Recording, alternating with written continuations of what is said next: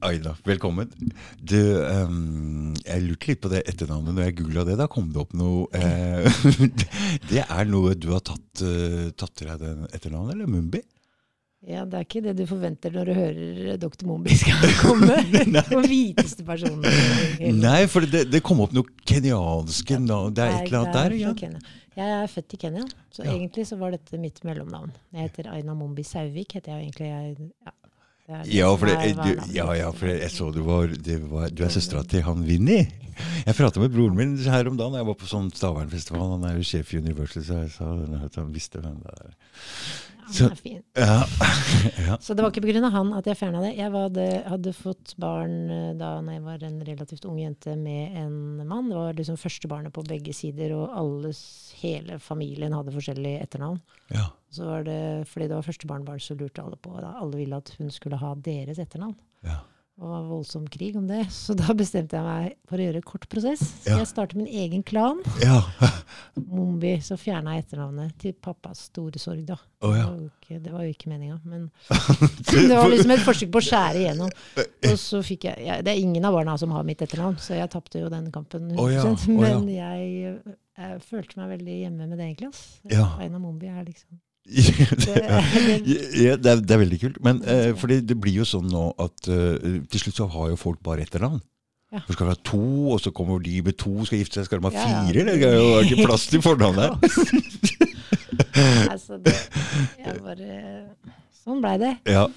Nå har vi skravla en del, og du er, var veldig treig i dag, Aina. Jeg var veldig treig. Det, er, det er også en kjent sak. Det er to ting da de sier om meg tids, evig tidsoptimist. Det er den ene greia. Den andre er at jeg mumler fælt. Så de pleier å kalle meg Aina Mumli. okay. Det skal jeg prøve å ikke gjøre nå, da. Men forsinkelsen, det, sånn blir det ofte. Du, jeg um har, for det første så sa jeg det i stad, jeg har fulgt med litt og prøvd å tenke hun må inn her på podkast. Jeg har hele tida vært interessert i å prate om for det første litt om den rusreformen. Fordi jeg tenkte jeg er, er det noen som skulle prate om det, så burde i hvert fall jeg ha noen ord med i laget der. Jeg har blitt plaga av politiet helt siden jeg var drittunge. Og jeg har tenkt at det, det er sånn det er.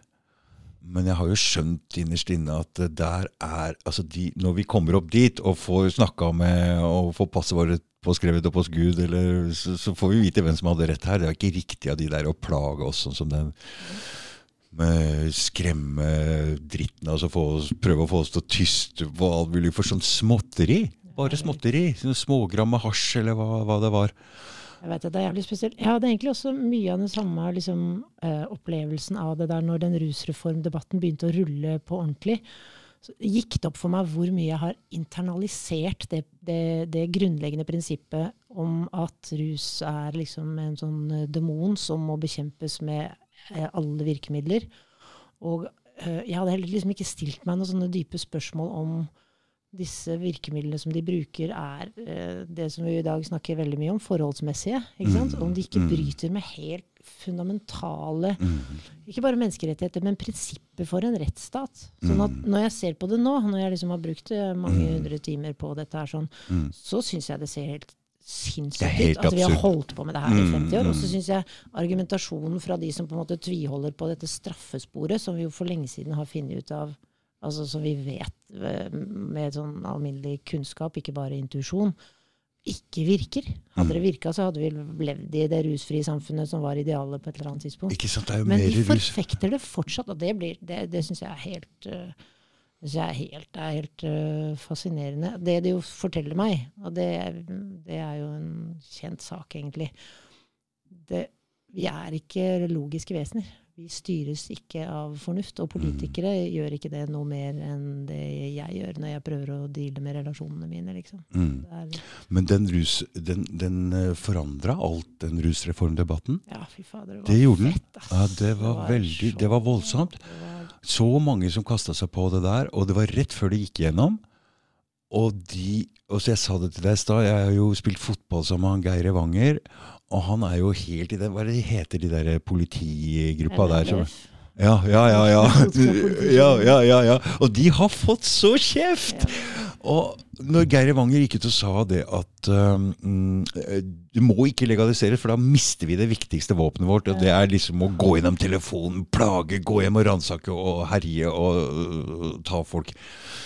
Og så viser det seg at de hadde Og så hadde de ikke hatt lov til det i det hele tatt! Så det var jo Det er sånn jævlig alvorlig greie. For det, og det, det syns jeg også er en så sinnssykt at man på en måte fortsatt argumenterer for. fordi det som er faktum her, er at politiet, som er satt til å håndheve, he- he- håndheve loven, Mm. altså på en måte sørge for at uh, vi holder oss innafor de prinsippene som vi har bestemt i fellesskapet at vi skal gjøre, Mm. Systematisk har brutt loven i så jævlig mange år. Mm. At ikke det er en sånn bare, Vi må bare bryte ned hele greia og bygge det opp på nytt, liksom. Mm, Ja, det, det bare Ja, det er fascinerende, ass. Mm. Men det, det er jævlig Det som var med den rusreformen, det arbeidet som ble gjort med den reformen, altså det, det, det undersøkelsesarbeidet som ble gjort i forkant av presentasjonen av Det er jo noe av det grundigste som er gjort på rusfeltet. Hvis ikke det grundigste som er gjort på rusfeltet i Norge noensinne. Mm. Og det går det ikke Selv om det tar ikke sant, Alle spesielt svære strukturer, de har innebygd treighet i seg. Mm. Og de,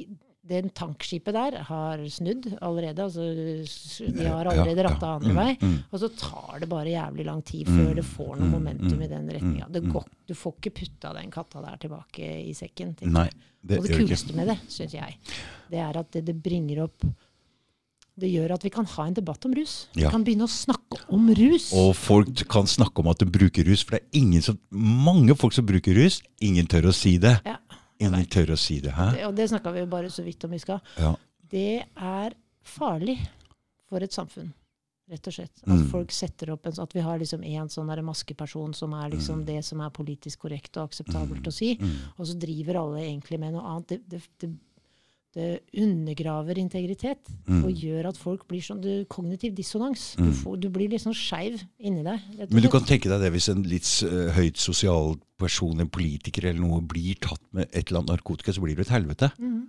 Det Ikke sant? Så de kan jo ikke snakke om skatten, ikke sant? Kan, men, men, men jeg tror kanskje klimaet er inne for det.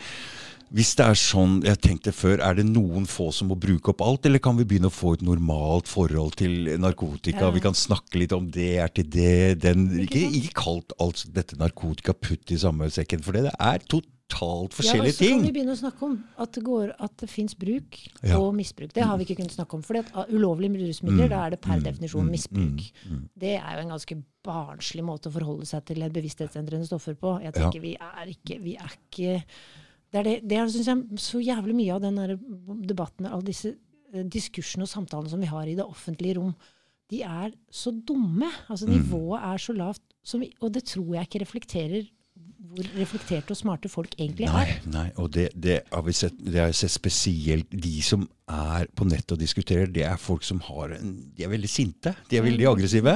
Og når jeg, men når jeg prater med folk ellers om ting og tang, vaksiner, hva det skulle være, det er ikke sånn folk er. Nei. Nei, det er ikke sånn folk er i det hele tatt. Nei, Det er, så, så, der vi må, polariseringa. mm, er- så vi må ikke la å tro at det kommentarfeltet er representativt for det folk mener. Det er ikke. Det er ikke det. Og jeg tror ikke vi trenger å være så veldig redde for det kommentarfeltet. Jeg har sett liksom det er sånn utrolig mye fokus på den trollinga, og liksom at det er Uh, Ikke det at det er noe heldig å drive og slenge rundt seg med dødstrusler, men jeg tror hvis man tar et lite skritt tilbake og ser på det som liksom sånn energetiske uttrykk for mye oppbygd energi, Mm. så kan man bare se på det som det. Ikke sant? At det er hva skal jeg si, spying, da. Mm. Ja. Mm. For, Mm. Fordi det, er, det fungerer litt som en ventil Mm. som Mm. ikke nødvendigvis Eller i hvert fall som ikke trenger å fokusere så mye på. Ikke? Mm. Å trekke konklusjonen at samfunnet vårt er så fullt av hat. Nei, det er i hvert fall ikke den uh, følelsen. Jeg bor jo midt på Grønland og har oh, ja.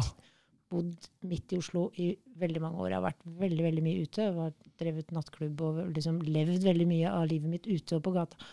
Og mine erfaringer, har også bodd hele verden over.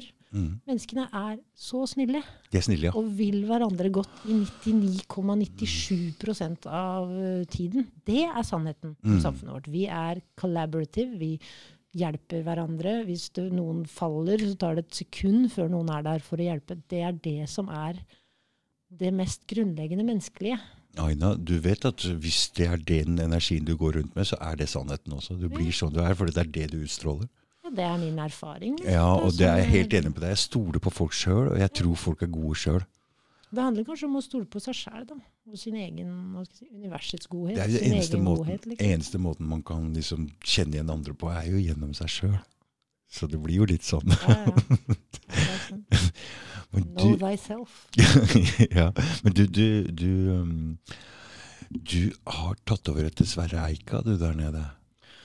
Ja, det Hva er det egentlig han har uh, Hva er det egentlig han har drevet med, og hva er det der? Sverre er jo kjent uh, som de narkomanes lege. Og er vel den legen som på en måte har vært tettest på gatefolka, i hvert fall av alle leger jeg vet om. Mm. Mye fordi at han hadde mye erfaring fra gatelivet sjøl. Jeg Mm. kjente ikke Sverre. Jeg har faktisk aldri møtt Sverre Eika Nei. noen gang. Men han var en veldig sånn eh, Ja, jeg ringte han en gang. Jeg var på sykehus og hadde, et, hadde en pasient som jeg syntes ble behandla veldig dårlig. Så hadde jeg lest om han, da. Og så ringte jeg han og fikk en veldig fin prat med han hvor han liksom ga meg noen tips om hva jeg kunne si, og hvordan jeg kunne hjelpe pasienten. Og det var liksom en sånn klassisk ting som jeg nå, når jeg driver og prøver å gjøre noe av den jobben som han gjorde, ser eh, fremdeles, da, 15 år etterpå, er, er virkeligheten i norske deler av norsk helsevesen. At disse, det er en pasientgruppe tunge narkomane, altså folk som har hatt et rusbruk veldig ofte lenge, sånn at det er synlig. Mm. Som rett og slett ikke får eh, den helsehjelpa de skal ha, som de, er, eh, som de har rett på, og som de mest viktigst, da, fra et menneskelig perspektiv, Mm. som de trenger, og som de ber om. Fordi eh, det fremdeles regjerer så sinnssykt eh,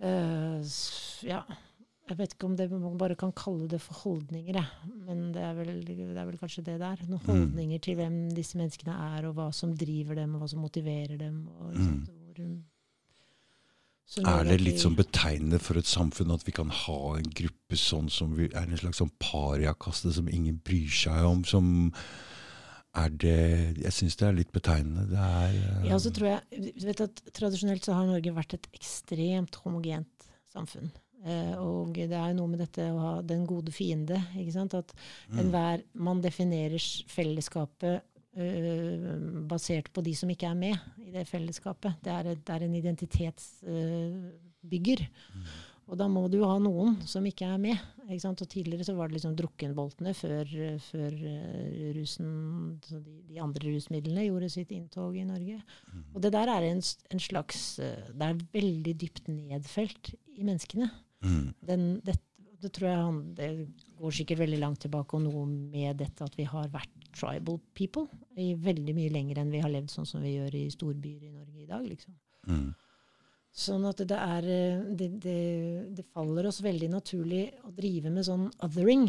ikke sant? At vi gjør Othering, noen til de andre. andre. ikke Mm, mm. Bad othering Mm. kalles det. Hvor man Mm. liksom tillegger en gruppe som man ikke automatisk re resonnerer med eller kjenner seg igjen i, Mm. en hel masse egenskaper. Mm. Og så har vi jo blitt fora med ruspropaganda eh, gjennom livet, ikke sant? som gjør at vi har en opplevelse av mennesker som ruser seg som moralske eh, undermennesker. rett og slett. At det er svakhet fra deres side som gjør at de lever de livene som gjør det er dårlige valg. Det er liksom masse sånne ting som, som utelukker mesteparten av det jeg tror gjør at folk ender opp med Ikke med rusbruk, for rusbruk i seg sjøl er ikke veldig problematisk Nei.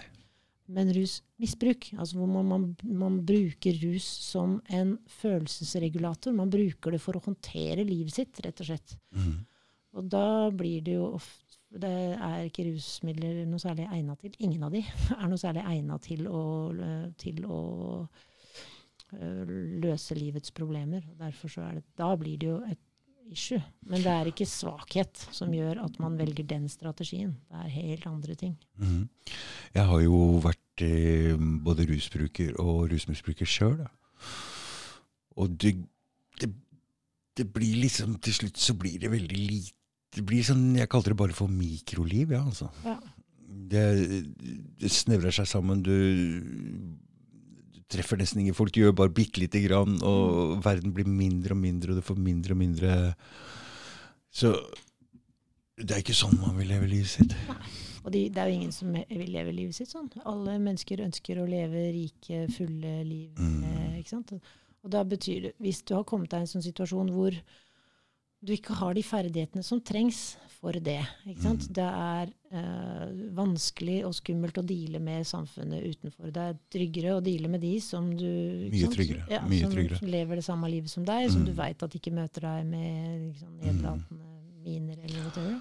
Det er sant. For det tok litt tid før jeg liksom kunne Når jeg slapp ut av fengselet nå sist, så uh, flytta jeg sammen med mora til ungen min. Og det var liksom sånn jeg skulle leke pappa og den stilen der. og eh, for først så hadde jeg bare en ræva jobb, og du skulle liksom stå på fotballkamper sammen med de andre voksne. og Jeg, jeg har alltid følt at jeg har vært litt redd for voksne. Eh, fordi Skjønner du? Jeg ikke liker Men, men eh, Så det, jeg måtte liksom klare noe sjøl, få en ordentlig jobb sjøl, sånn at jeg kunne være på like fot med å snakke med de Ja. andre. For det, man trenger det. Og det, den hunden der har også hjulpet meg. Ja.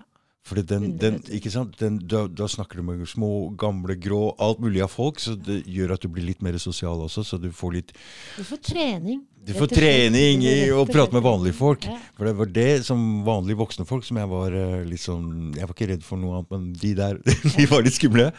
Så De der som kan liksom minne deg om at det er noe gærent med deg. Ikke sant? De som Ikke gjør sant. at når man speiler seg, så har man masse forestillinger om hvem de er, og hvor flinke de er, og hvordan de får til alt mulig, og så føler man seg mindre verdt i utgangspunktet. Mm. Og har du mange livs, krenkende livserfaringer i bagasjen din, som gjør at du er litt prone, da, du har liksom tendens til å føle deg litt liten, mm, da er jo eh, Da er du mye mer utsatt for det å bli avhengig av ting som gir deg øyeblikkelig endring i sinnstilstand. For dette er det rusmidlene gjør. ikke sant? Mm. De, gjør, de er en sånn state changer. De gjør at du, du har det sånn, og så veit du at du kan ta et eller annet, og så mm, pålitelig kommer du deg i en annen tilstand. mm, mm. Og det er det ikke noe gærent i. Det er bare noe gærent i det hvis du ikke kan noen andre veier til Mm. å endre tilstanden din fra den til den. Mm. Og så er det sånn at ruslivet disponerer for at man ikke skal lære seg andre veier. Ja. Og det er derfor, derfor så er jeg jo så jævlig opptatt av det. Én ting er jo liksom når man skal behandle folk med ruslidelser, så, så det, er en, det handler egentlig om å etablere en ny identitet mer enn noe annet. Mm. Og hvordan hjelper man folk med det? Altså, hvordan hjelper man folk å etablere identitet i det hele tatt? Det er liksom det samme som det er sånn oppvekstlære, rett og slett. Det Det Og er der syns jeg vi har et stykke å gå når det gjelder rusbehandling. Rusbehandling i Norge har vært veldig fokusert på at du skal slutte å ruse deg, som om det var rus, det at du ruser deg som er problemet. Rus, rusen er et forsøk på å løse det som egentlig er problemet, som er at det er vanskelig å interagere med verden på en måte som gjør at man føler seg ok. Mm. For du går med masse skam, og du føler deg mindreverdig enn Ja, andre. ikke sant? mindre og mindre og mindre. og mindre. Mindre og mindre og mindre. Ikke sant? Så det der er eh, et skikkelig problem. Men jeg beit jo tenna sammen jeg, og gikk jo på jobben med den laveste lønna, den dårligste telefonen uten bil. Satt der på T-banen og jeg tenkte fy fader, altså, fy fader. Det var jo faen. Faen, det var ikke moro. Men var jo vant til å ha ikke sant, Det var jo både spenning og penger, og har jo vært høyt og lavt og blitt slått konkurs og inn i fengselet. Så det har jo vært en berg-og-dal-bane. Det har det vært. Men altså, nå sitter jeg her jeg er ganske fornøyd med For når det har vært så lavt, da, så, så er jo å ha en jevn stigning i livet sitt etter det er jo det beste av alt. Ja, ja, så når du starter starter du har så bygd det sjæl, og det er jo det som er. Ja. Så det, jeg er veldig fornøyd akkurat nå. Altså, jeg må si det. Ja, det syns jeg er en annen greie som jeg også Jeg syns det er helt merkelig hvordan vi eh, og det er, har noe med det, hele det der consumerism-opplegget vårt. ikke sant? Det vi blir solgt, er en idé om livet som en sånn Meninga er at du skal gå liksom strak av veien, og så skal du komme deg til topps. Det er liksom greia. Da skal du ha fin bil og vakker kone og barn, og alt skal liksom være Og så underkjenner vi det som, det som skaper et menneske. Det er jo ikke de det er jo ikke når det går bra at du utvikler eh, Nei, kjenner deg nei. utvikler integriteten Mm, mm, din mm, og lærer grensene dine å kjenne. Det er jo når du ligger der og vaker i gjørma, og du Mm. er på en måte du, Ingenting av det du prøver på, du, det er det som er personlighetsbyggende. Er Jeg skjønner ikke hvorfor vi har liksom snudd Bortsett fra i filmer, da. I filmer er vi jo jævlig opptatt av å liksom lage et sånt bilde. Heltereisen, Ja, ikke sant. ja, ja. Helten går jo alltid på trynet, og så reiser han seg på tross alt. Men i det virkelige livet, når noen går på trynet i det virkelige livet, så ser vi jo ikke på de og bare Shit, nå er du inne i liksom Det- det- det- hero's det er det viktigste viktigste du har gjort. Dette er nemlig. Da sier vi jo nei, og det er så forferdelig, og dette kommer til å gå helt til helvete. Og for Ja, så mm, synd, sier vi da. Det er mm. sånn helt opp ned, liksom. Ja, det er helt riktig, det. Men du veit for en mann også som ja, Vi er litt annerledes enn dere damer, for det er vi som egentlig skal bygge redet. Det er vi som skal ha alle tinga sånn, hvis vi ser tilbake i tid. da. Ja. Så for en mann å ikke ha noen ting, ikke noe penger, ingenting, da føler jeg ikke Ja, Det har vært en av de tinga som Jeg har vært i det rusmiljøet, men det, og det er en annen ting jeg har lyst til å si her. Når vi er inne i den rusreformdebatten eh, og skal prøve å legalisere lite grann, og, men så, så, så lenge det er penger der å hente, så kommer det til å fortsette å tiltrekke seg ungdom. Det tiltrekker seg folk for denne siden det er en økonomi. Det er jo en egen økonomi. Så egentlig, hvis de vil ha det bort, hvis de vil ha mindre narkotikabruk, de må bare legalisere alt sammen. Alt sammen, og få det eh, sånn at økonomien blir borte. Ja, Fordi det som har holdt meg der, og det som holder mange folk der, det er at de, de klarer seg, de er, får en posisjon, ikke sant? de har, ordner seg penger der. Så, uh, Er du gæren? Altså 17-18-åringer som har 100 000 kroner i uka. sant, Liksom. ikke det er ikke så lett å konkurrere med det. Altså, hvis ikke du da har Det blir igjen ikke sant, et middel til å oppnå en følelse av Mm. å ha lykkes. Og det, det, må mennesker ha. Vi mm, trenger det, liksom. Mm. Vi trenger tilhørighet. Vi trenger, det er reelle behov på, Mm. på lik linje med å drikke vann og spise mat. Liksom. så selv om jeg ikke Så det for meg så hadde jeg jo selvtillit i det miljøet. Men det var når jeg liksom kom i kontakt med de andre, så tenkte jeg Jeg har penger, da, men jeg kan ikke Kan ikke si det jeg kan ikke si det. Jeg kan ikke si det. Det liksom det, Faen meg. Ja, Nei, jeg syns det er spennende. jeg synes også det er liksom vi har også eh, Vi devaluerer alle disse subkulturene. Jeg kommer jo fra liksom, disse subkulturene som er ikke, ikke sånn rene kriminelle, men tagge- taggemiljø, skateboard, snowboard ikke sant? De som har et Ja, for det var ulovlig før! Ja, ska- skating var ulovlig når jeg vokste opp. Ikke sant, var det ulovlig? Jeg husker det sjøl! Skateboard var ulovlig! Vi har kommet et stykke, da. Det må vi jo være enige om. Uff a meg. det forbudskåtheten, ass. Den er ganske spesiell å se på. Men i hvert fall så er det sånn Det, det, det, det, det er mye verdibygging og mye menneskeskaping. Det er veldig mange fine ting også i de kulturene som altså, detter Mm, utafor det som er mainstream-opplegget. mm, mm. Vi har ikke lyst på et samfunn hvor alle sammen eh, holder seg innafor de samme rammene. Vi kan ha, det blir ikke noe det er ikke noe liv i det. Det er mye kreativitet og mye øh, Mye bra folk. de- ja, jævlig mye bra folk. Og mye sånn um, innovasjon. Og, ikke sant? Du, du, Ja. Dette greiene med denne politi- og røveropplegget. Faen, så, så mye spenning og så mye ja, kreativitet som Mm. utvises i den der er gamet Ja. som er mellom de Mm, to. Ja. Og så har det jo en jævlig negativ slagside ved at uh, konsekvensene for, den, for deg, så hvis du er ung, det bety, kan bety noe for hele resten av livet ditt. Så jeg er helt med på at vi, sånn, det, hvis man skal løse rusproblemet, hvis det faktisk er det man ønsker seg, Mm. da må man uh, trekke proppen ut av den der uh, pengebinga som mm, det er, og så må man legalisere. Mm. Så synes jeg, jeg håper ikke at vi liksom kaster hele babyen ut med badevannet og prøver å lage samfunnet mer homogent. Vi sånn svartmaler alle som velger å ikke gå liksom den der eh, breie stien på midten. Da. Mm. At det har vært mye nå. Vi vil ha, det er nesten ikke lov å ha andre meninger lenger. Nei, det er ganske politisk korrekthet. Du, i PST var nå ute i februar og prata om antistat- antistatlige holdninger. Det er ganske skummelt. Altså, skummelt. så staten For det første så har staten vår blitt et slags monster, og vi ser det ut i alle lover og regler. Og, og under covid-greia her så låste de oss inne, og vi skal liksom ikke få lov å si noe på det, for det der er antistatlig. Jeg bare Nå må dere altså Da tenker jeg bare ta et lite titt i speilet her. altså Det kan ikke Nei, jeg vet ikke. Og jeg tror eh, det, det der er en sånn Det er veldig lett å selge sterk, eh, en, en sterk leder og sterk kontroll i tider hvor det er mye usikkerhet og folk er redde. mm, Og Derfor så tror jeg at det viktigste verktøyet vi sjæl har, er jo å dyrke vår egen liksom, soliditet. Og det, jeg er jo en sånn hel, helhetlig helsepraktiker. Hva betyr det? Da? Det betyr bare at helse eh, handler om uh, balanse i de forskjellige dimensjonene av livet. Ikke sant? Hvis du, skal, du lever i dette organismet organismen der, avataren din, som du har Å fått låne. Ikke sant? ja. Og så skal du bruke den til å uh, gjøre de tingene som du har lyst til i livet. Det, Mm. det krever en del vedlikehold. Det betyr at ikke sant, det du putter inn i systemet ditt av liksom, næring, av hvor mye du rører på kroppen din, og hvor mye du liksom minner den om at den trenger å være liksom sterk og sprek og tøyelig og fleksibel, Mm. hvor mye du gir deg sjæl av rent vann, hvor mye giftstoffer du putter i deg, og hva slags giftstoffer du putter i deg. Alle disse tingene her er med på å bygge den du er. Og Mm. hvis du har lyst til å føle deg bra, så må du bygge bra.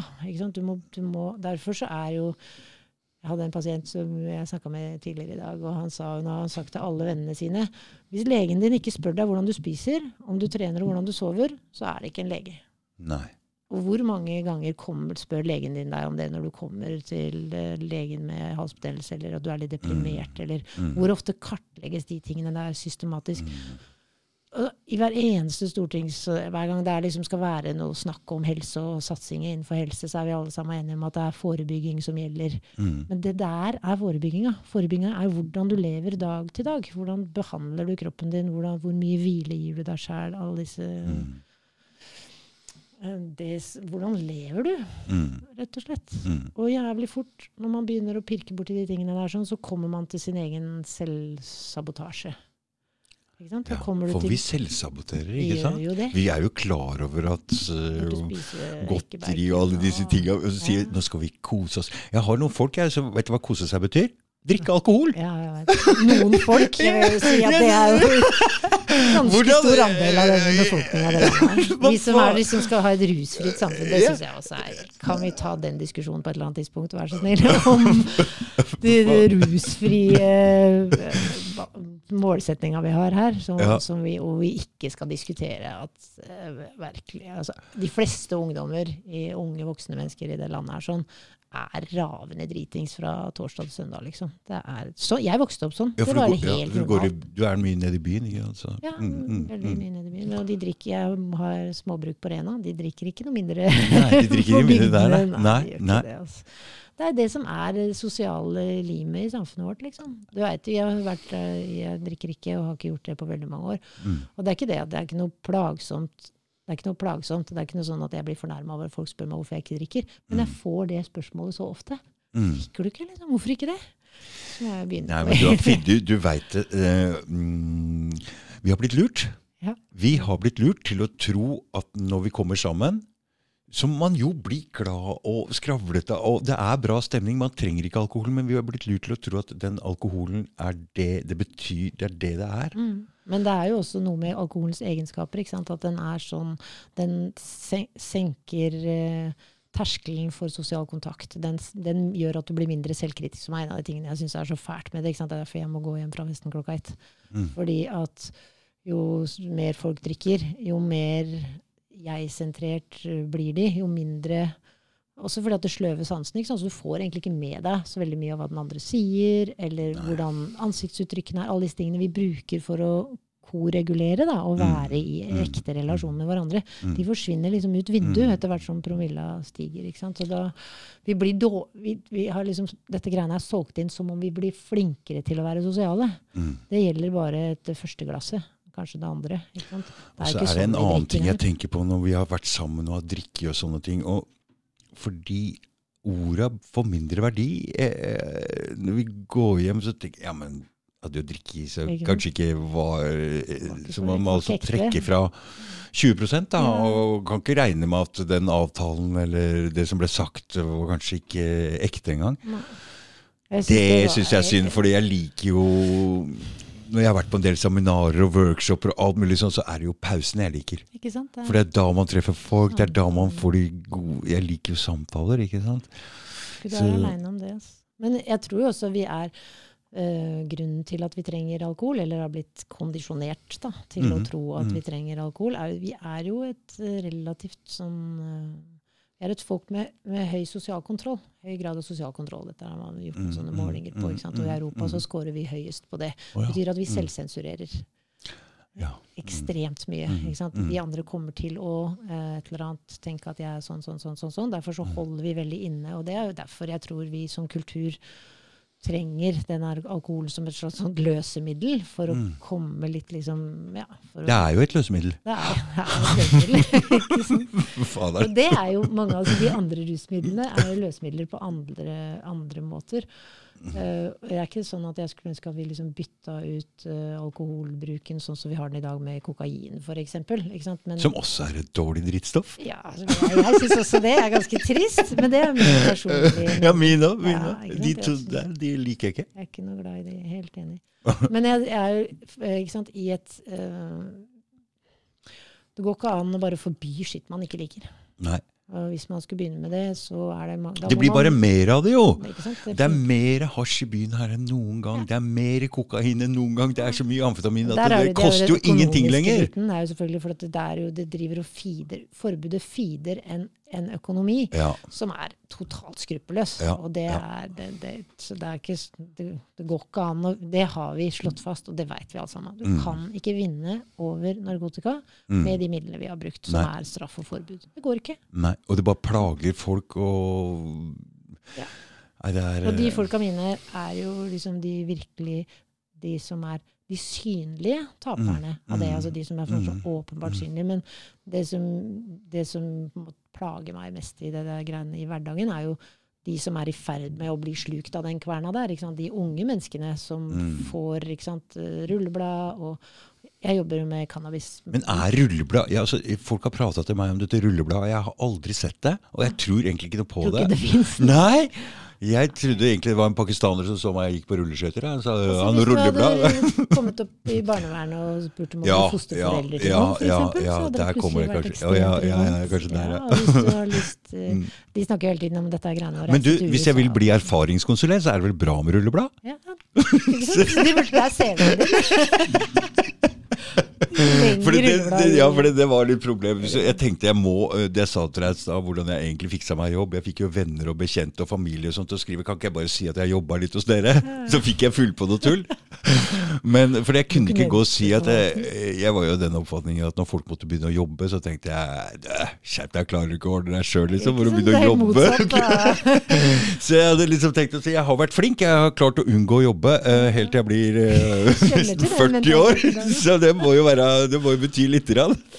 Ja, så tenker jeg at du vet at skulle den samfunnsstrukturen vår bryte sammen på noe tidspunkt, så veit jo jeg hvem jeg skal ringe til. Det er, det er ikke pappa, for å si det sånn. Nei, som altså har liksom gått hele Du, det er litt interessant, for det, broren min jobber jo i Universal. Han er sjef der, og han, han ansetter sånne som meg. For det er de som fikser og ordner og trikser og Ja, det ordner jeg! Ja, Altså, nytter ikke å Kreativitet. ikke sant? Er, Ja, du er vant til å måtte komme opp med Ja, uortodokse for løsninger. egentlig så er det sånne folk, sånne fiksere, sånne ordnere, som har drevet i, i, i, miljøet, er rett og slett. tilbake igjen til en annen eh, av mine pet peeves vet du, når det gjelder dette. og Det handler om utdanningssystemet. Ikke sant? Og hvor mange av de folka som er liksom, sånn eh, karer som deg, da, og mange av mine pasienter, i, men spesielt i min egen praksis, hvor jeg har mye sånn cannabispasienter, Mm. som er barn som er, har det vi kaller for ADHD, og vanskelige livsopplevelser som gjør at de gjerne har en PTSD. Altså det er mye sånne greier. Som havner i det vi kaller for rusbruk. Veldig ofte begynner det som selv, selvmedisinering. Mm -hmm. uh, og hos utrolig mange av de så var det sånn at de hadde enten livserfaringer eller bare en disposisjon i seg sjøl som gjorde at de fungerte dårlig på skolen. Ikke sant? Og det, det det betyr Det høres jo helt sånn Jeg hadde ADHD som kid. Det høres ut som helt sånn tilforlatelige ting. Ja, det var liksom sikkert litt slitsomt. For barn, og spesielt på 80- og 90-tallet, hvor dette ikke var så utbredt, vi hadde ikke så mye kunnskap om det, så betydde det å møtes daglig, 100 ganger om dagen med Nei, hysj, ikke så stille, ikke vær, ikke vær sånn som du er. Mm. Og det er ekstremt traumatiserende for et barn. Og det å Mm. lage en Mm. institusjon Mm. som får 10-20-30% av de barna som skal gjennom den institusjonen, som alle sammen må, det har du ikke noe valg med, er skadelig for deg på daglig basis. Så det du gjør er jo, Og det er jo ikke det at ikke disse barna har potensial, det er bare det at hjernen deres stort sett fungerer på en annen måte, og de har andre behov enn det som en sånn institusjon har lagt opp til. Mm. Så man, skader rett og slett barna med det som man prøver å Som vi sier at er, ja, dette er for ditt eget beste fordi du skal være Skolesystemet må helt forandres helt totalt. fordi greia er sånn, når du blir tvinget til å lære noe som du ikke har interesse for, alle ting som blir dytta på deg, du vil ikke ha det. ok? Nei, sånn jo er friere du er som sjel, og jo mer på en Mm. måte uavhengig spirit Mm. du har, jo dårligere funker det. Så Mm. de, som, de som man tvinger mest, det er de det funker dårligst for å tvinge. Mm.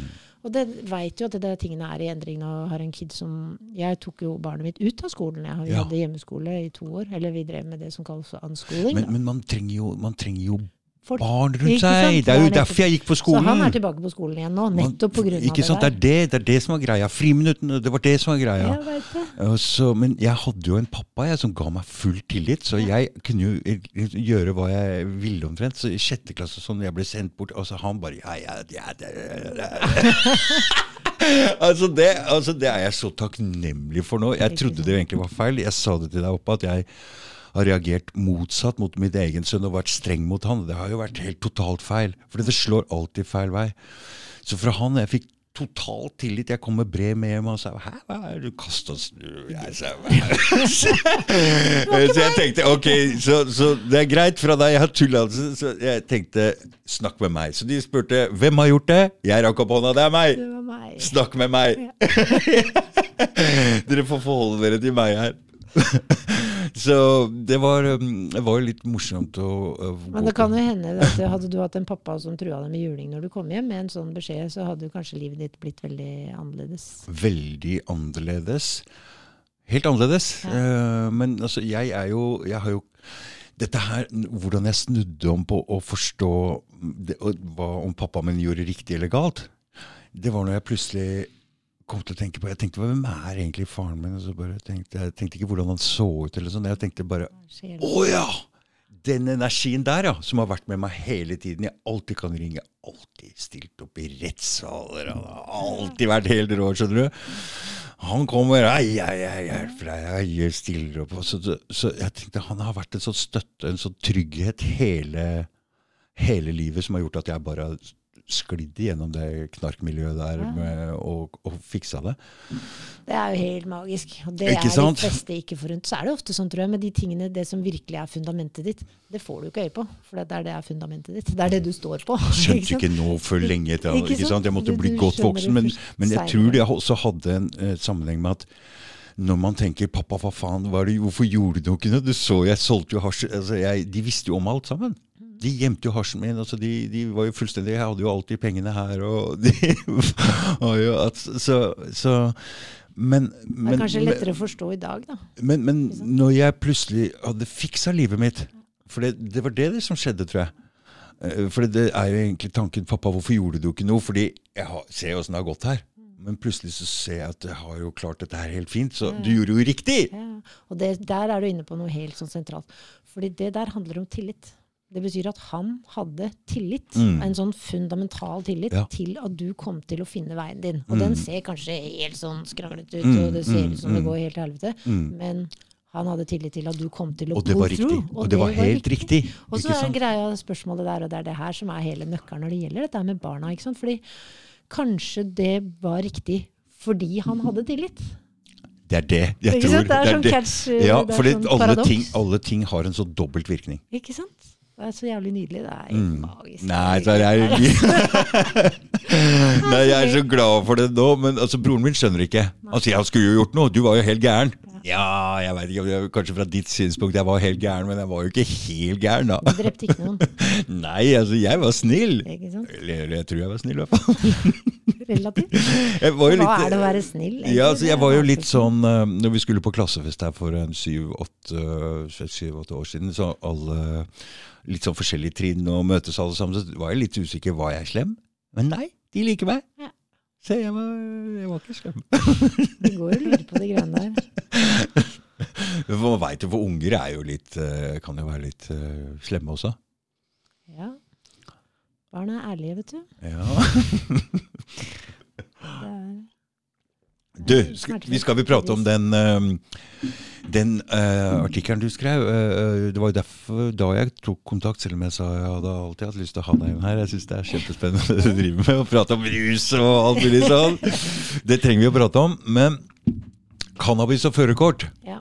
Dette er et kjempeproblem for mange jeg kjenner. Ja. Og nå med disse spyttprøvene og, og det greiene der, og, og så Spesielt når vi får eh, medisinsk cannabis fra staten, eller det blir lov, så må vi ha noe altså, Dette var problemet vi satt inne. Uh, vi røyka hasj. Det slo ut tre-fire uker etterpå. Ja.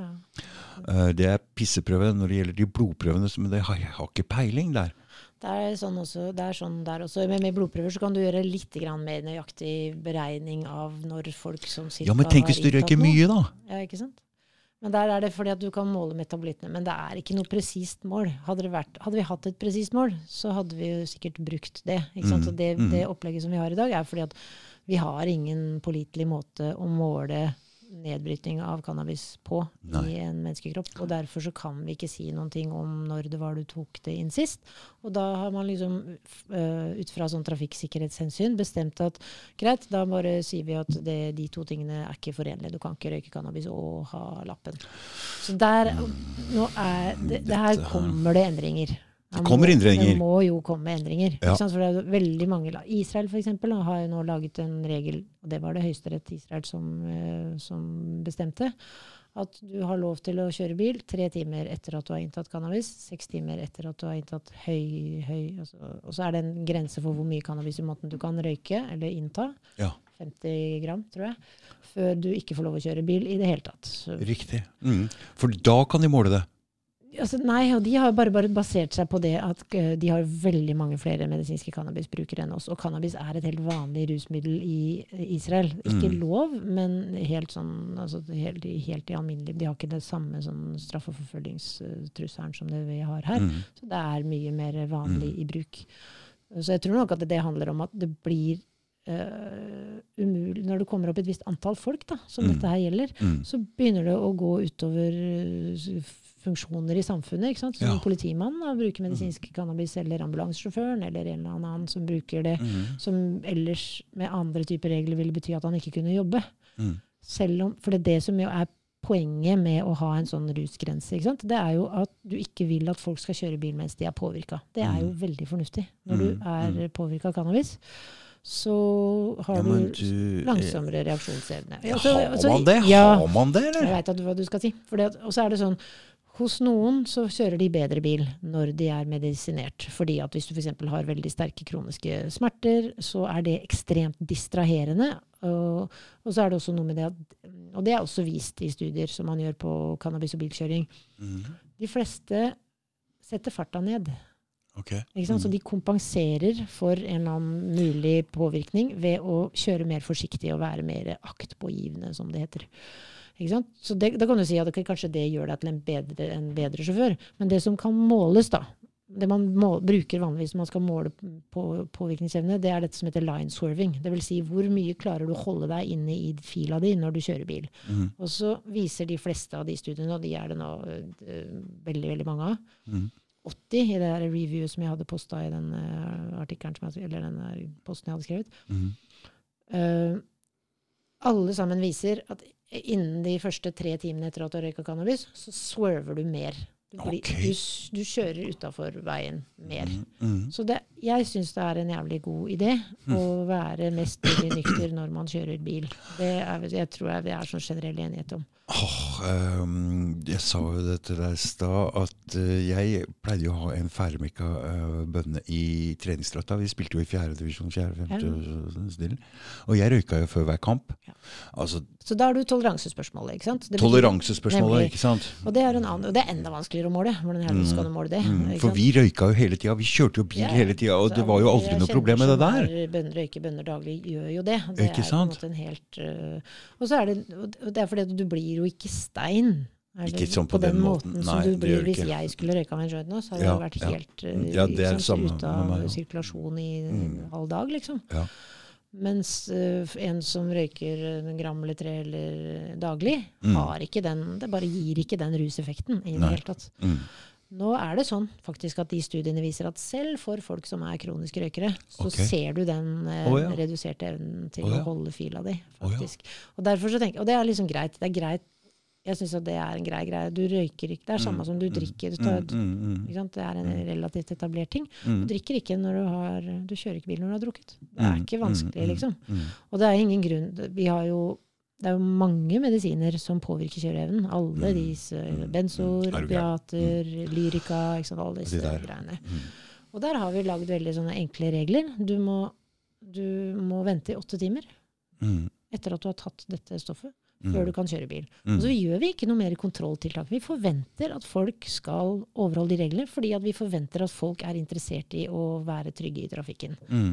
Du trenger ikke å gå og, og, det, og det, Jeg tror at mye av dette greiene rundt dette cannabisopplegget er fordi at det er så jævlig assosiert med rusbrukere. Og så har man noen ideer igjen Mm. tilbake til disse holdningene om at rusbrukere er? De er jo kriminelle. Dermed Mm. er de også uansvarlige, og de bryr seg ikke om andre. Og, det er masse sånne Mm.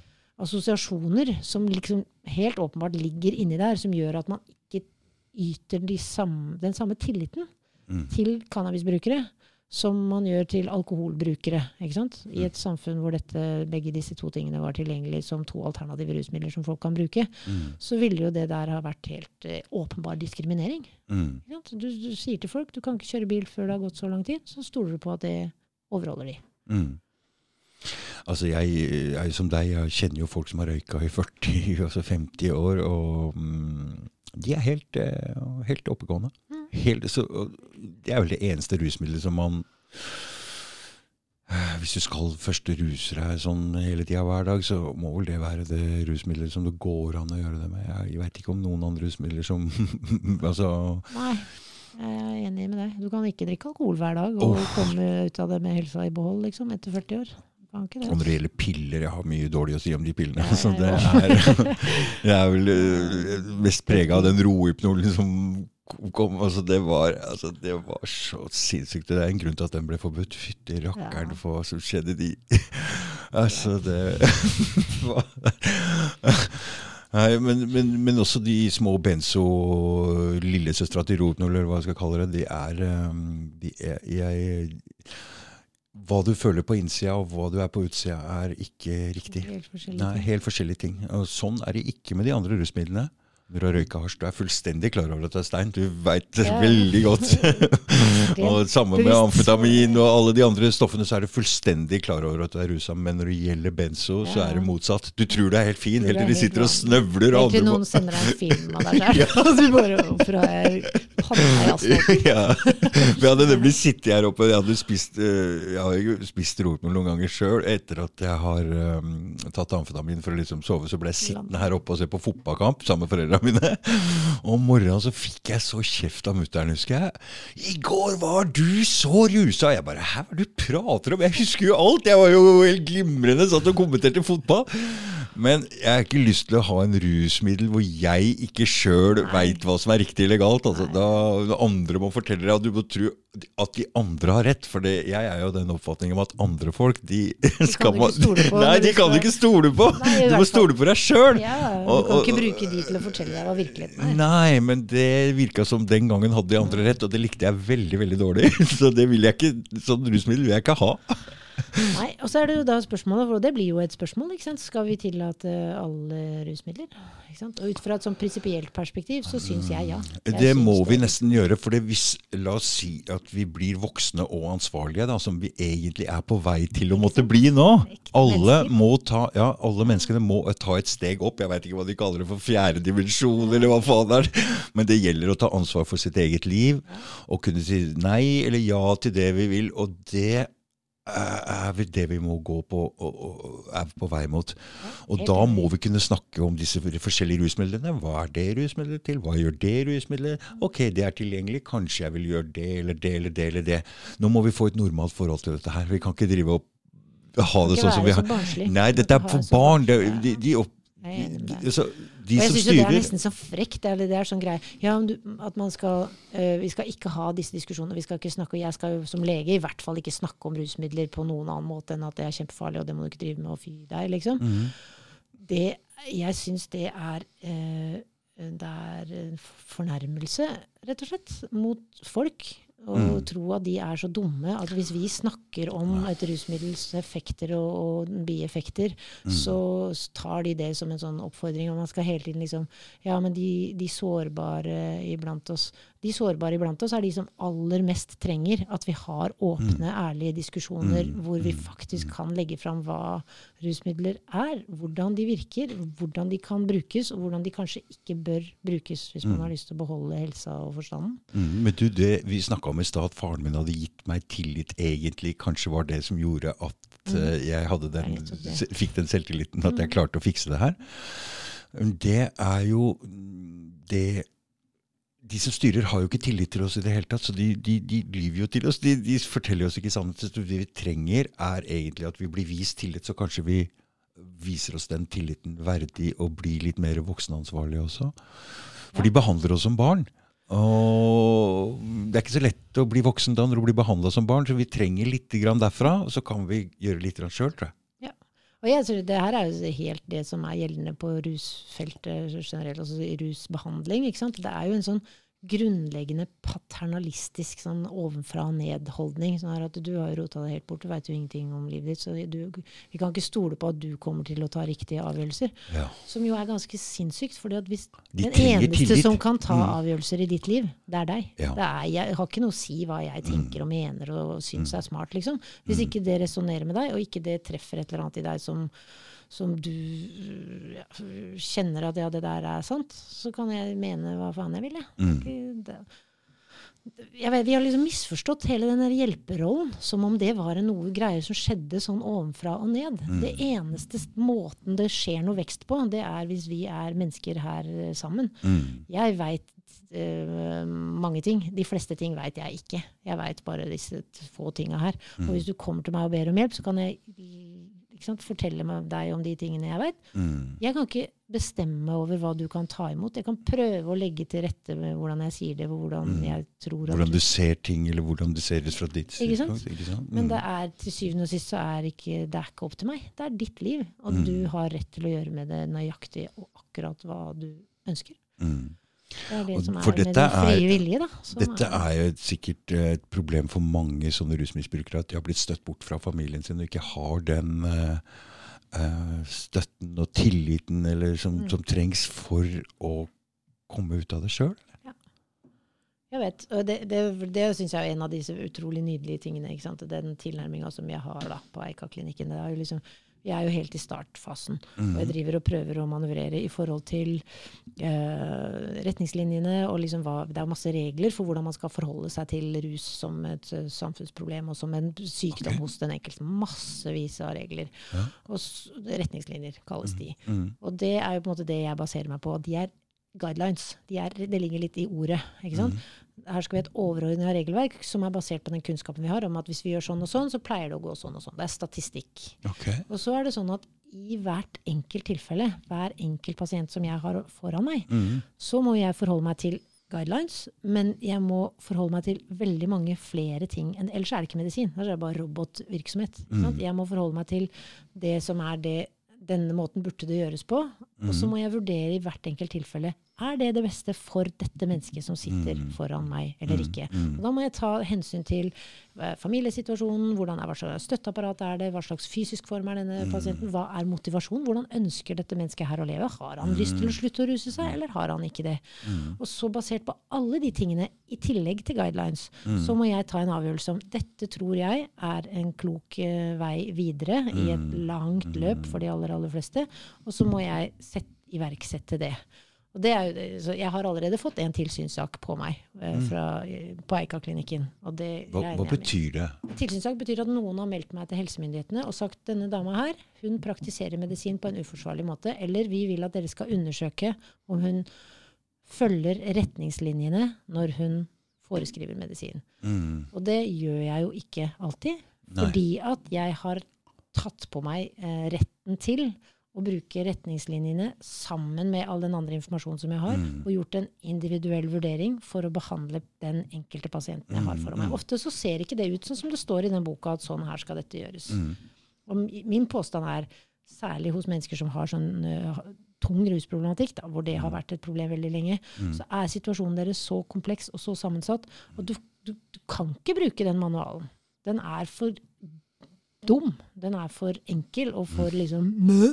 Mm. Den er sånn eh, hvis A, så B, og så glemt at der er det sånn 26 andre bokstaver inni der, Mm. som spiller inn for akkurat den pasienten som du har. Og de store systemene som vi har, for dette er det LAR, de er store strømlinjeforma systemer som er basert på at man skal behandle alle likt. All, ingen er like. Men det er jo et helt sinnssykt prinsipp. Helt sinnssykt.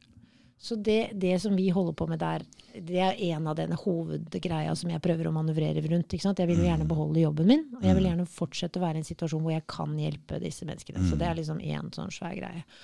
Og så er det det å øh, lage et apparat som gjør at jeg har informasjon tilgjengelig, som gjør at jeg kan hjelpe folk sånn de trenger å hjelpes. Hva slags informasjon? Det handler om uh, hvordan folk lever. Hvem er det de Ja. har rundt seg? Hvem Ja, er det de, ja, hva slags relasjoner er det her? Mm. Er vi et team? Kan vi lage et team? Er det um, oppfølgingsteam her? Er det en Mm. ruskonsulent inne i Mm. bildet? Er det en fastlege de stoler på? Ikke sant? Er det, Mm.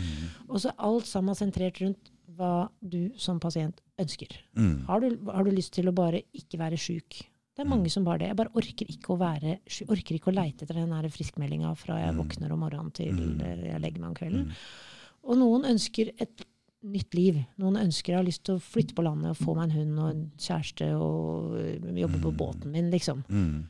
Og det som pasienten ønsker seg, er styrende. Og så prøver man å lage et løp som er sånn Ok, da begynner vi med å få deg vekk fra gata, da.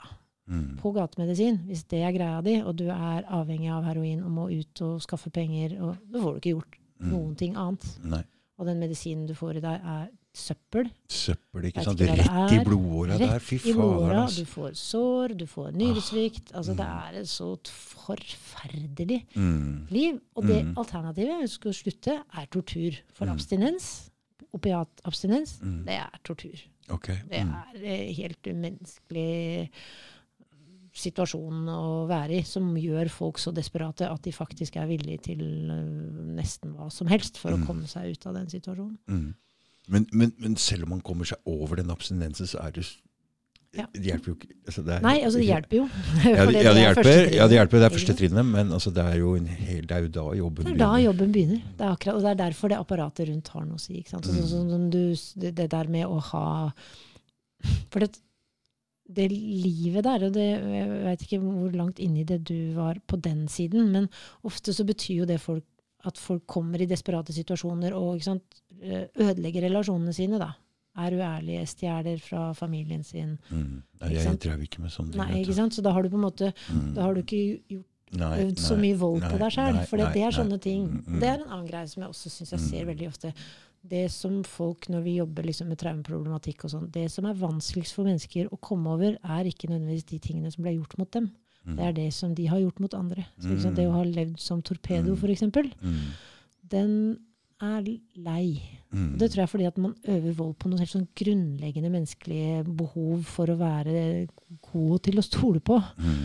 som er eh, så det, det er jo ikke sånn i mitt virke at jeg, opp, selv om jeg liksom ser mange goder ved disse utenforlivene, oppfordrer folk til å bli narkomane for å gjøre livserfaringer. For det er et jævlig brutalt Mm, liv, liksom. mm, mm. Men, jeg, men jeg har alltid, tenkt sånn at de som går gjennom livet uten veldig mye problemer, de, de sniker seg unna litt. Ja. eller de går glipp av mye. De går glipp av mye, for livet er ikke ment å være lett. Altså, for å vokse som menneske så må man faktisk gjennom å bli litt ydmyk, for det første, og forstå andres øh, Man har det mye lettere for å forstå Det er ikke så lett å peke på Nei. når du har blitt pekt på sjøl.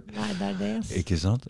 Jeg vet, og det, da blir det et sånt spørsmål, dypere spørsmål. Liksom, hva er vitsen med å være her? Er meninga her å gjøre suksess? Eller er meninga å lære?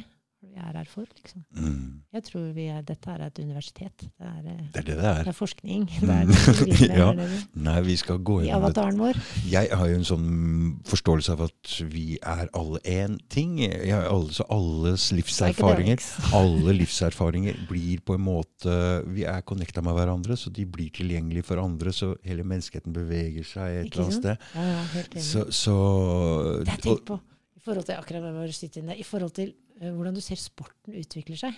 Mm. Det der syns jeg er så jævlig sinnssykt. Du ser de triksa som folk gjør på snowboard i dag. Mm. For når jeg begynte å se på snowboard når jeg var en liten kid, liksom, Mm. eller bli ung, ung jente, da. Mm. De tingene som de gjør i dag, de Mm. tror jeg faktisk ikke var mulig da.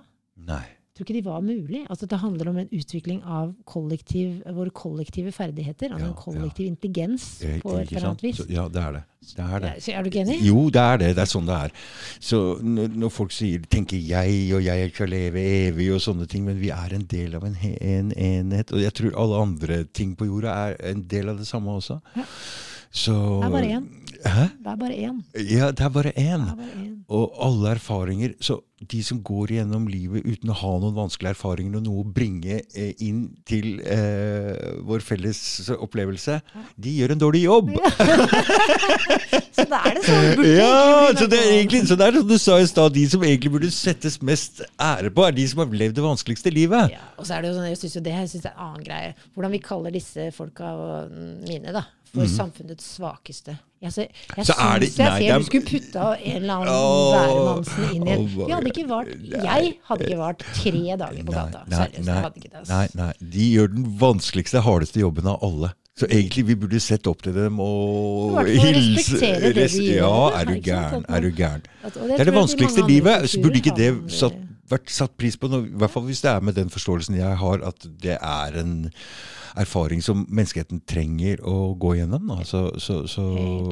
Dessuten, og det er jo en av disse ganske sånn øh, som var sånn, øh, gikk med sånn konstant fallefølelse de første månedene i den Eika-jobben. fordi at det, de historiene som ligger bak Det er ikke tilfeldig hvem som blir tunge rusbrukere. Det er ikke tilfeldig. Det er ikke sånn, det er ikke de med dårlig moral.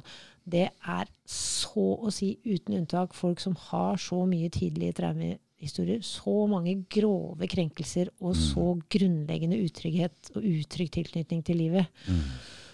som gjør det dobbelt psyko i min verden at vi øh, skal, liksom, skal Se se ned. på på dem. Mm. Som kommer med liksom Jeg som sitter her da, med min diplomatbakgrunn. Det er helt, om, ja, vet du, det er helt opp ned. Mm. Hvor jeg kommer her og jeg er liksom en lege og god utdannelse og har gått den smale sti generelt. eh, Og jeg er jo et unntak til meg, for jeg har jo gått og slingra litt hit og dit og begynt å studere medisin veldig seint og har drevet med veldig mye andre ting. Mm. Men det er jo akkurat sånne folk som trengs for å bli leger. ja, jeg tror det. Jeg er veldig glad for eh, det Mesteparten av det jeg bruker i min hverdag som lege, det er ikke de tingene jeg lærte på medisinstudiet. Du, jeg får inn så mye bra folk her, Aino, at du er en av dem. en av de aller beste, skjønner er jeg. Jo, men poenget mitt er i hvert mm. fall det at som leger generelt, da Leger er jo generelt en veldig sånn privilegert eh, Ikke nødvendigvis privilegert, men det er folk som har gjort som stort sett har gått den, Ja da. ikke sant, gjort Det er som liksom de har blitt fortalt. Ja, det er en av de høyeste, liksom. Lege eller advokat? Ikke sant? Lege Det eller er advokat. ja. høystatus Ja, ja, det er høystatus. Og du kommer ikke inn på det studiet med høye karakterer. Det betyr at du har klart deg bra på skolen. Det Mm. betyr at du har ikke gått veldig mye på trynet, stort sett. Fer- Ferdig utdanna, 5-26 år gammel. Mm. Og så sitter du der, og så skal du møte folk. Og så har du ingen erfaring. Mm. Du veit ikke hva det betyr å leve et liv hvor alle forakter deg, og du bare karrer deg gjennom fra øyeblikk til øyeblikk, liksom. Mm. Og så har man i tillegg the fucking audacity til å liksom møte folk med sånn uh, Ovenfra ned greia? Ja. Det er så drøyt. Det er helt drøyt. Og jeg tenker at det der der syns jeg at min eh, Der har vi mye lære. Altså, vi er heldigvis helt sånn på vei bort fra det der doktoren som gud uh, Ja, du, Greiene. Det er noe jeg alltid syns var litt morsomt. fordi når jeg var liten, så var det to blader som sto i kiosken der. og Det ene var romantikk. Det var for småjenter. Men det var et annet blad òg. Det het Legeromanen. Det var bare Det var bare sånn for, Nei, nei, det var bare sånn som var forelska i leger! Ja. Jeg tenkte, hvem var det som ga ut det bladet? Var det Legeforeningen? Jeg liksom. Jeg hadde aldri, jeg, hadde aldri jeg fant, fant ut at jeg skulle bli lege i 1998. Det var etter at jeg hadde vært i en sånn uh, situasjon hvor noen hadde slutta å puste, og jeg var sammen med masse folk som egentlig hadde litt helseutdannelse, og ingen gjorde noe. Åh, Og jeg bare gjorde noe, selv om jeg jo ikke visste hva jeg drev med. Jeg var gått i speideren, liksom, så jeg gjorde. Og det, det, etter den hendelsen, hvor en dama begynte å puste igjen, og ting, i ambulansen kom, og ting gikk bra, så tenkte jeg fy faen, det der kan jeg gjøre resten av livet. liksom. Oh, ja. Det der var For du er en som gjør noe ja, når det skjer noe, ikke sant? Og har et handlingsimpuls. Ikke sant? Så, og så gikk det jo veldig lang tid før jeg faktisk blei lege. Reiste, jeg reiste til Kina. Først så studerte jeg kinesisk et år. Fordi at jeg hadde lyst til å studere medisin i Kina. For det kineserne nemlig, de underviser i prinsippene for kinesisk medisin som en del av medisinstudiet. Det betyr at du lærer om chi, du lærer om energi. Du lærer om energibaner. Du lærer om et helhetlig liv. ikke sant? Å oh, nei, nå blir jeg litt misunnelig, du. For at, eh, nå har jeg lyst til at du skal bli legen min, men at, du er jo opptatt! Jeg er opptatt, altså. ja, fader. altså det var, og så kom jeg hjem fra Kina, for jeg var blitt gravid i mellomtiden. Da med han som er pappaen til de to eldste barna mine. Så skjønte Jeg reiste egentlig til Kina for å bo der alene og oppdra barna alene. Og så gikk det seks måneder. Jeg bare «Øh, Jeg tror kanskje ikke dette kommer til å gå så bra. Det blir litt mye selv for meg, tenkte Ja, jeg. ja, Kinesisk pluss og ja, ja, det blir mye. Det. Det blei litt mye. Så reiste jeg hjem, og da var han i full gang med å starte sånn her ungdomsklubb for voksne nede i Møllergata. Det som er Baronsai så det, vi hadde et hus nede i Møllergata hvor vi drev ja, Det var et sånt uh, hangout-sted. Vi Mm. drev uh, platestudio, og vi solgte Vi drev sånn graffitibutikk. Mm. Mm. Platestudio. Sun Mm. Records and Cans. Og så drev vi jævlig fantastisk mye fete, frie folk. Som Mm. skate, skatere og snowboardere og graffitifolk. og musikk, da. Så Mm. vi nattklubb, så vi holdt på der i fem år. Og når vi gikk fra hverandre, da begynte jeg å studere medisin. Så da hadde jeg allerede to barn. Mm. Og så hadde jeg jo da vært og vasa rundt uh, i livet. Og ikke, Mm. liksom. Det var, jeg hadde ganske alvorlige spiseforstyrrelser som ung, så jeg hadde liksom mange år hvor jeg bare prøvde å kaste meg opp i hjel. Så liksom, Kast deg opp. Kaste opp. Jeg kastet, jeg hadde bulimi oh, ja. i mange mange ja. år. Så jeg hadde liksom Og det er også en avhengighet. ikke sant? Det er også en sånn, det er også en, en, noe av den der greia hver eneste morgen jeg våkna opp. En sånn tvangsgreie, eller? Ja. Det er, det, det, er, det er en angstlidelse, rett og slett. ja, det er et ja. forsøk, akkurat det samme som det rusen er. Mm. Det er et forsøk på å håndtere følelser. Mm. Det er bare, jeg, jeg sulta meg nesten til døde. Jeg prøvde å bare ikke, ha, ikke være noe. Jeg prøvde å bare ikke finnes. For det, det, jeg syntes det var så jævlig overveldende å finnes. Jeg syntes det var skummelt å være meg. Oh, ja.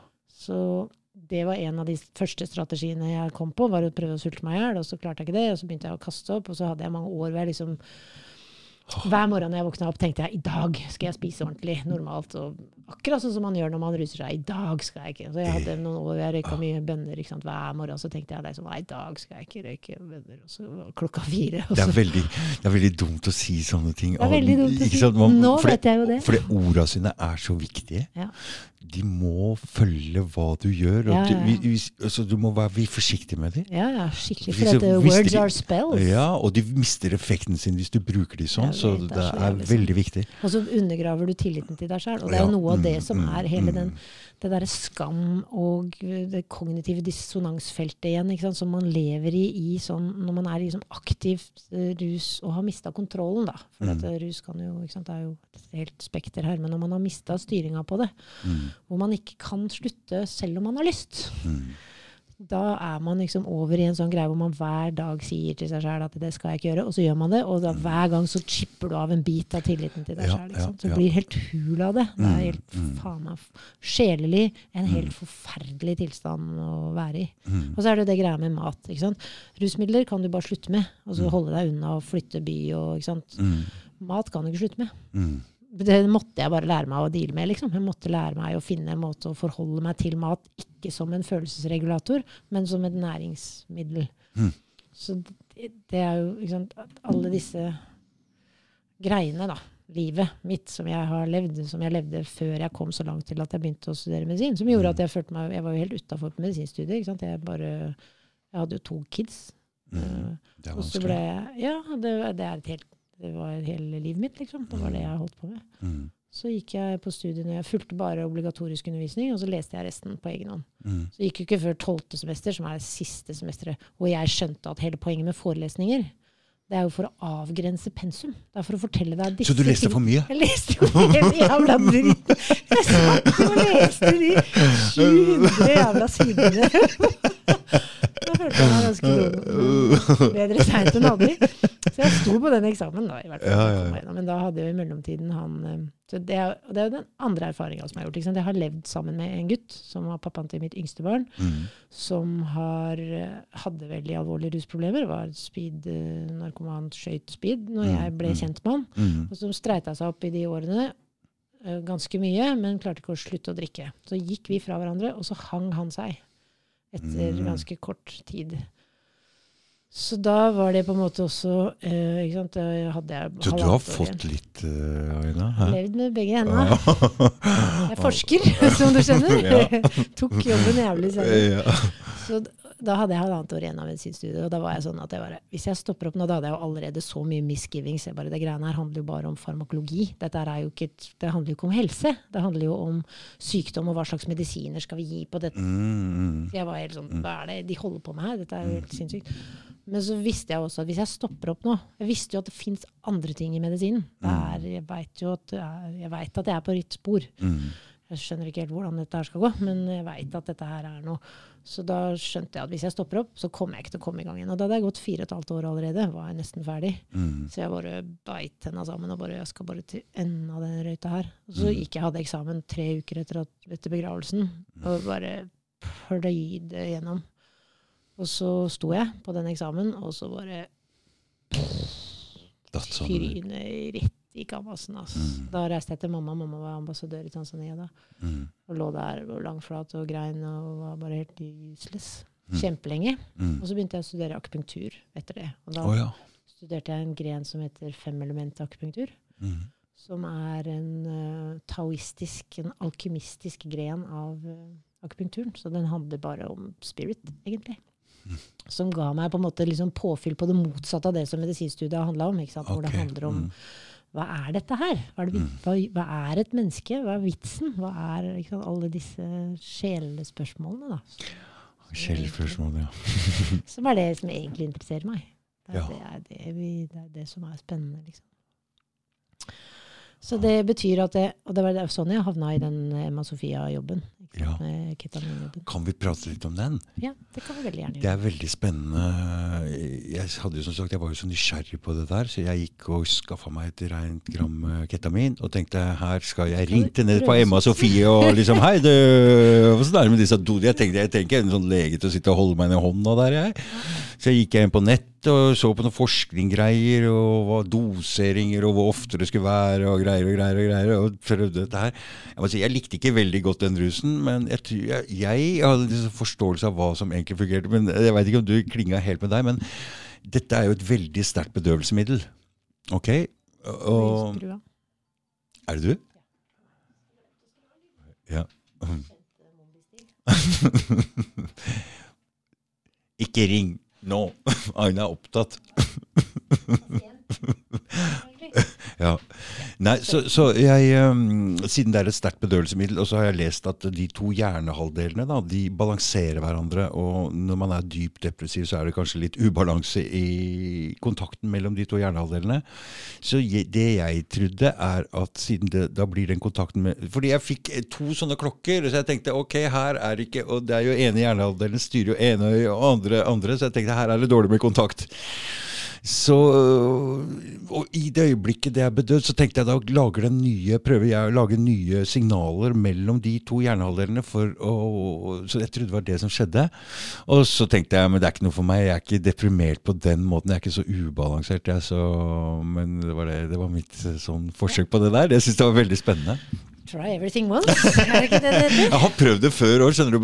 Noen har gitt det meg når vi var på byen, og så, men jeg syns at det, alt bare hoppa og spratt. Og jeg tenkte hva er dette her til? Det var ikke noe å danse etter. Jeg liker å danse. Det er et ekstremt populært eh, gatebruk Ja, akkurat nå. Altså. Jeg har tatt over helt for MDMA. På, på, Det skjønner jeg ikke. Det er ikke noe med Du klarer ikke å danse etter det der, jeg. Jeg klarer heller ikke det. Men jeg har, ikke, jeg har jo ikke øh, Jeg har absolutt forsøkt øh, ketamin i sånn terapeutiske doser og som et sånt øh, Hva skal jeg si? Mm. Men det er, hjelper egentlig bare for folk som er i en så dyp depresjon, Det hjelper eller? best for de. Men det, Ja. er, øh, det er mange som rapporterer effekt. Ikke bare de som er helt sånn suicidalt deprimerte. Men det er, okay. dem, det er, det er, det er, det dem det er absolutt nyttigst for. Det er, det, er liksom, det, er det, det som gjør det så interessant. Særlig fordi at Og det var det som på en måte brakte meg dit. ikke sant? Det er Vi har ingenting som hjelper hos de suicidalt deprimerte. Så de medisinene som vi bruker, de bruker i den grad eh, antidepressiva funker i det hele tatt, så, mm. så bruker de veldig lang tid på å virke ukevis. Og ofte blir man verre før man blir bedre. Og det kan du tenke deg er ganske skummelt. Og det som er litt spesielt med ketamin, og hvorfor det er lov å bruke, det skjønte jeg, fordi det er jo egentlig et godkjent legemiddel for bedøvelsesgreier, så det er allerede godkjent, ikke sant? Derfor kan de gi det, så de slipper å bruke enorme penger på å få godkjent dette legemiddelet, for det er jo allerede Nå godkjent. er det faktisk godkjent, så noen gadd å bruke masse penger på det. Fordi det som oh, ja. vi gjorde når vi starta Jeg starta i 2018, Mm. uh, januar, med ketamin på Emma Sofia klinikk. Da hadde Mm. partna opp med Jeg hadde lyst til å mm, drive med psykedelika, og han trengte en lege fordi han Det er, det er på en måte hans felt. Det er Pål Ørjan Johansen som, som driver, eier og driver Emma Sofia klinikk, som er en psykologklinikk, privat psykologklinikk. Mm. Så vi uh, partnered up, og så lagde vi et eh, opplegg som vi har liksom finpussa siden da, som er basert på hvordan ketamin brukes mot depresjon Mm. utenfor Norge, da. USA spesielt, og Canada. Mm. Hvor det har vært brukt lenge, flere tiår. Ja. Men det som var uh, greia da, var at eh, det vi brukte det på en måte som heter off- off-label-bruk. Det vil si vi brukte det utenfor det som det medisinen er godkjent ikke for. sant? Ikke sant? For den er godkjent for det er et anestesimiddel. anestesimiddel. ja, anestesi. Mm, mm. Og så brukte vi det til depresjon. Så det var jo veldig mye styr rundt det først, hvorvidt det var mulig. Og det er lov, og Ja. veldig mange legemidler brukes off-label. Det er helt alminnelig. Det, Mm. det måte pålegger den som bruker det, å være ekstra vaktsom i forhold til ikke sant, mulige bivirkninger og sånne ting. Mm. For det er ikke testa for det. Mm. Men så var det da et selskap, eh, Johnson Johnson, som eh, ville lage et legemiddel mot depresjon, og som dermed utvikla det som kalles for S-ketamin. som er liksom Ketamin fins i to sånne stereoisomerer. Ja, to jeg veit hva det er. speil- Mm, mm, speil- mm, Speilvete. ikke sant? Mm, mm. Og så tok de ut den ene, og så testa de bare den. Og så leverte de det i en nesespray, og så, det, så gjorde de studier, og det koster jo skjorta. Ikke sant? Ikke sant? Ikke Men de gjorde det. Mm. Og så fikk de det godkjent av FDA gjennom tre studier som de hadde, hvorav to viste ganske god effekt i forhold til placebo. Og så fikk de det godkjent, og dermed så er det nå godkjent også i Norge, for den har vi også tatt inn her i Norge, som behandling mot depresjon. Men hva er forskjellen på de to isomere, egentlig? Altså det, som, det vi bruker, er det som kalles for en rasemisk ketamin, dvs. Si en blanding. Det Ja. som det naturlig Er det rasemisk? Er det det betyr en blanding Det av de to? Ja, det betyr Mm, en mm. blanding av de to Mm, isomerene. mm, mm. Eh, s- som er jo det alle studiene er gjort på. Altså Mm. fra, Før det Johnson Johnson, de tre studiene der, så er jo alle studier som er gjort på ketamin, gjort på rasemisk ketamin. fordi at Mm. der gikk av patent for ja, Patenten tror jeg ble iverksatt i 1963, eller noe sånt, så den har jo Mm. gått ut for lenge Mm, siden. Det betyr at det er et billig legemiddel. Ja. Mm. Uh, og derfor så er alle studiene gjort på, på det. Og Mm. så sier de Noen sier, og de studiene viste, et av de studiene viste at S-ketamin fungerer bedre enn rasemisk ketamin. Det Mm. er usikkert. Ja. Så det var en, eksamen. det, det, det er godkjent nå på, til bruk i DPS og sykehus. Den, Mm. den S-ketamin-nesesprayen. Mm. Uh, ja, det vet ikke om noen som har tatt den i bruk. Nei, kjempedyr. Ikke sant? Og vi har jo et Fordi alternativ som fungerer Mm. eh, veldig bra. Så Ja. det, ketamin fungerer veldig bra. Da gir vi jo stort sett intramuskulær og intravenøs. Intramuskulær, ja. Ja, det kan også gis, settes i eh, en av de store musklene. Og så Men da varer det lenger, eller? Nei, den, varigheten er omtrent den samme. Så det vi gjør når vi gir intravenøs, er jo at vi bestemmer tiden selv. Ikke sant? Jeg har en sånn pumpe som jeg programmerer, og så sier jeg det. Og da er det, bruker vi det som er liksom den internasjonale standarden, som er 0,5 mg per kilo, Mm. gitt i en saltvannsoppløsning over 40 minutter. Så Mm. da varer den greia helt, den varer bare så lenge du har eh, levering i blodet, liksom. Oh ja. Og med en gang du tar det ut, så er det over? Ja. Ja, så tar det et par minutter, og så kommer man til seg sjøl. Liksom. Ja. Og for min del så var det noe med det var ganske spesielt å komme over en medisin som virker når ingenting annet virker. Mm. Det har jeg på en måte vært eh, både pasient sjæl og suicidalt deprimert eh, Å ja. periodevis i livet, Mm. og vært pårørende Mm. til en gutt som ikke som på en måte imploderte inn i håpløshet, som, som man gjør i Mm. selvmordet. Og så vært lege og med bare det hjelpeløse samtaleterapi-opplegget. Mm. Men du nevnte noe også om MDMA, ikke sant? Men det er ikke lov? Det er ikke lov. Så det Men det- foregår dette- noen studier det foregår noen studier på det, ja, det vet jeg. Sykehuset Østfold Østfold akkurat nå holder på å sette i gang. Nå har de, det, MDMA er jo på en måte, de, de fleste studiene der de går på MDMA mot PTSD, så traumer. Men nå foregår et studie til de rekrutterer nå, til et studie på MDMA mot depresjon Mm. i Oslo, nei, i Østfold. Mm. Altså det, det er en sånn gren av et større multisenterstudie. Mm. Hvor kommer denne MDMA-en derfra? Den som de Ja, bruker ja, i ja. sine studier, den kommer nok fra det som heter Compass Industries, som er en av disse øh, leverandørene. Så, så det, det er jo i ferd med å bli en industri, psykedelika. Så der har Mm. du allerede noen sånne ja, selskaper rett og slett, som har spesialisert seg på standardisering. Altså Psilocybin for eksempel, som brukes i studiene, de leverer oss også det. Jeg tror det er også Compass Industries.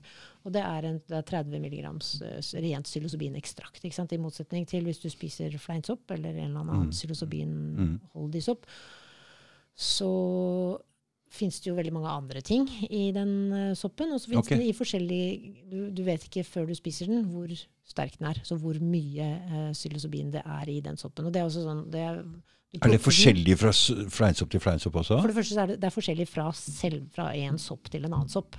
Og så er det forskjellig på, etter sesong, eller hvilken tid på året, hvor den har grodd, hva slags Mm. jordsmonn det er. og det er veldig...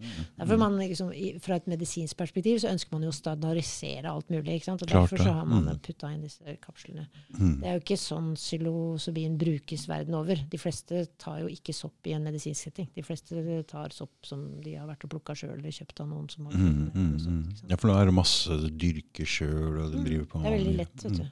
Mm. Mm. Lett å gro. Ja, for det er ikke så lett å finne dem lenger. Vi gikk og pelte dem opp på Alfaset gravlund. Liksom. Ja, det var litt sånn nå, vet du. ja, så var det litt sånn, Jeg tror det var litt kulturkrasj. altså. Folk som gikk og besøkte gravene, fløy vi rundt der og hei, og Oi! Fader. Jeg fant fleinsopp utafor politihuset. Altså. Oi, oi, oi, oi. Så hvis det er noen som står med ræva i været der, så er det det de driver med? Hidden in plain sight. Det er det smarteste. Så det, det, det der er jo en annen ting. Og disse tingene kommer jo som medisin. Jeg er jo litt sånn er ikke så tilhenger av den der medikaliseringa av eh, psykedelika. Altså, Hva, hva mener du med medi...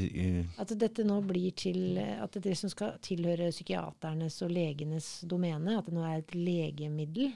Mm -hmm.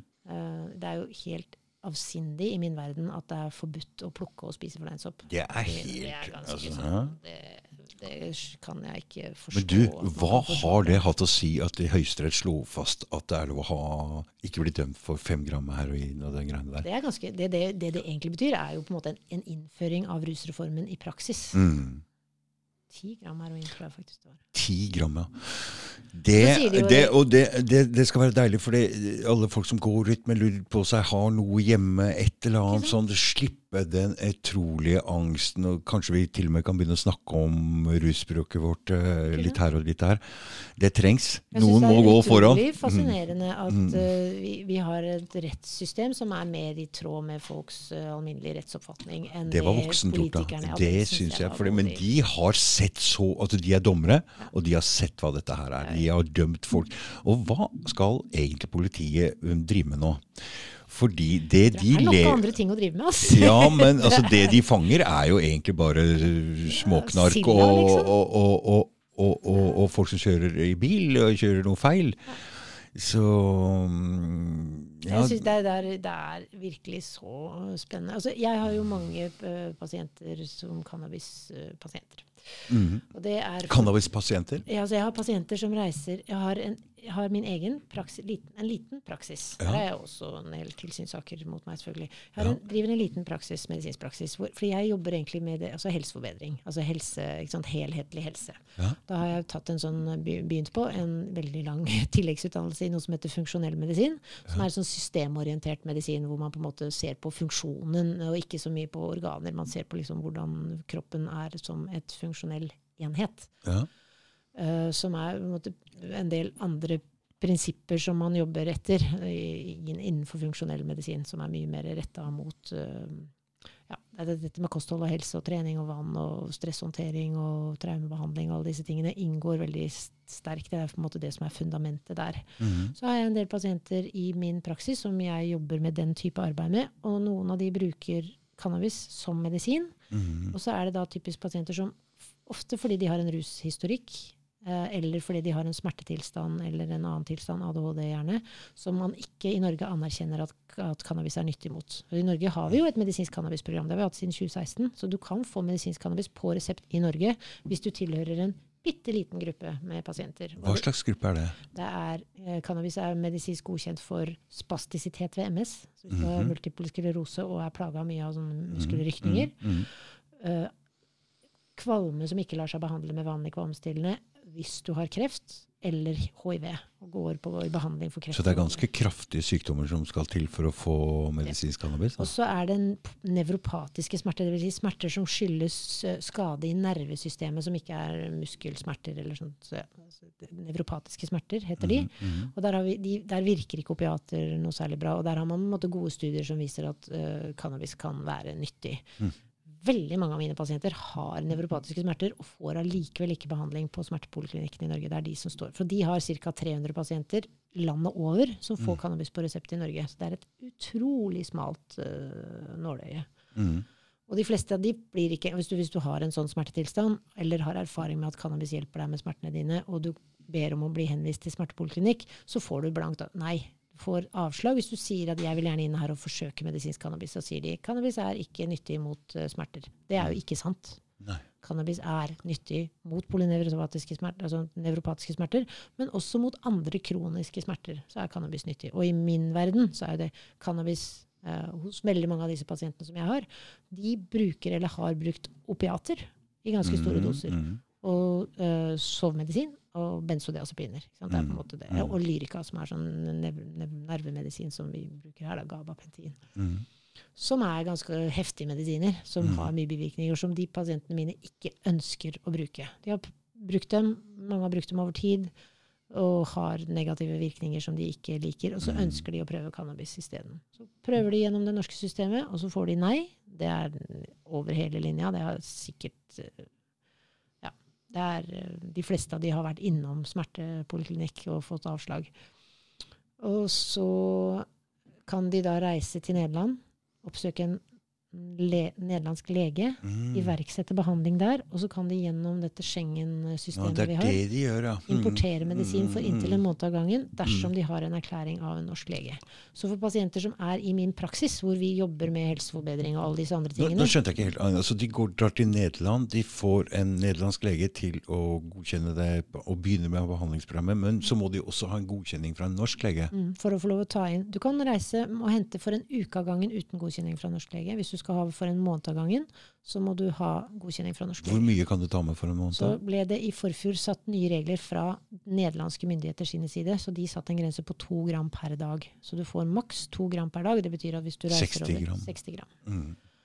Det er likevel ganske dyrt å reise ned der, for det er ikke billig cannabis jo, den er mye billigere enn her. Her Er koster den 140 gram per kilo på apotek, så hvis du får den i Norge Oh ja, det koster her 140 kroner grammet.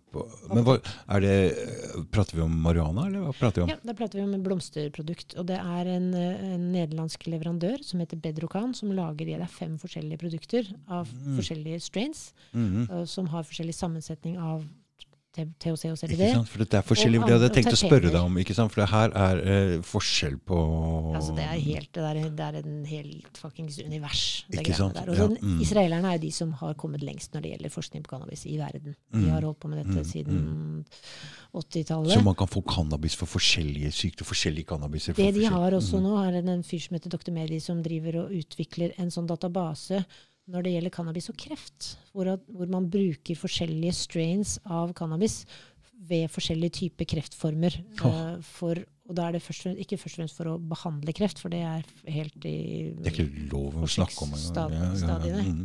Det har vi ingen store studier på, for å si det sånn. Mm. Eh, så uh, er det liksom noen krefttyper så har man sett at den strainen med cannabis øker vekst av eh, kreftceller i Petri dish, altså, sånn, i, altså ikke Ja, i ja, ja, ja, i et mm. laboratorieforsøk. Og da må man jo unngå den strainen hos akkurat sånn, hvis du har eh, testikkelkreft eller noe sånt, så skal du ikke ha den strainen. Så da har man på en måte laget et sånt oh, ja. laboratorium. da. Han har dedikert hele livet sitt til det. Han veldig...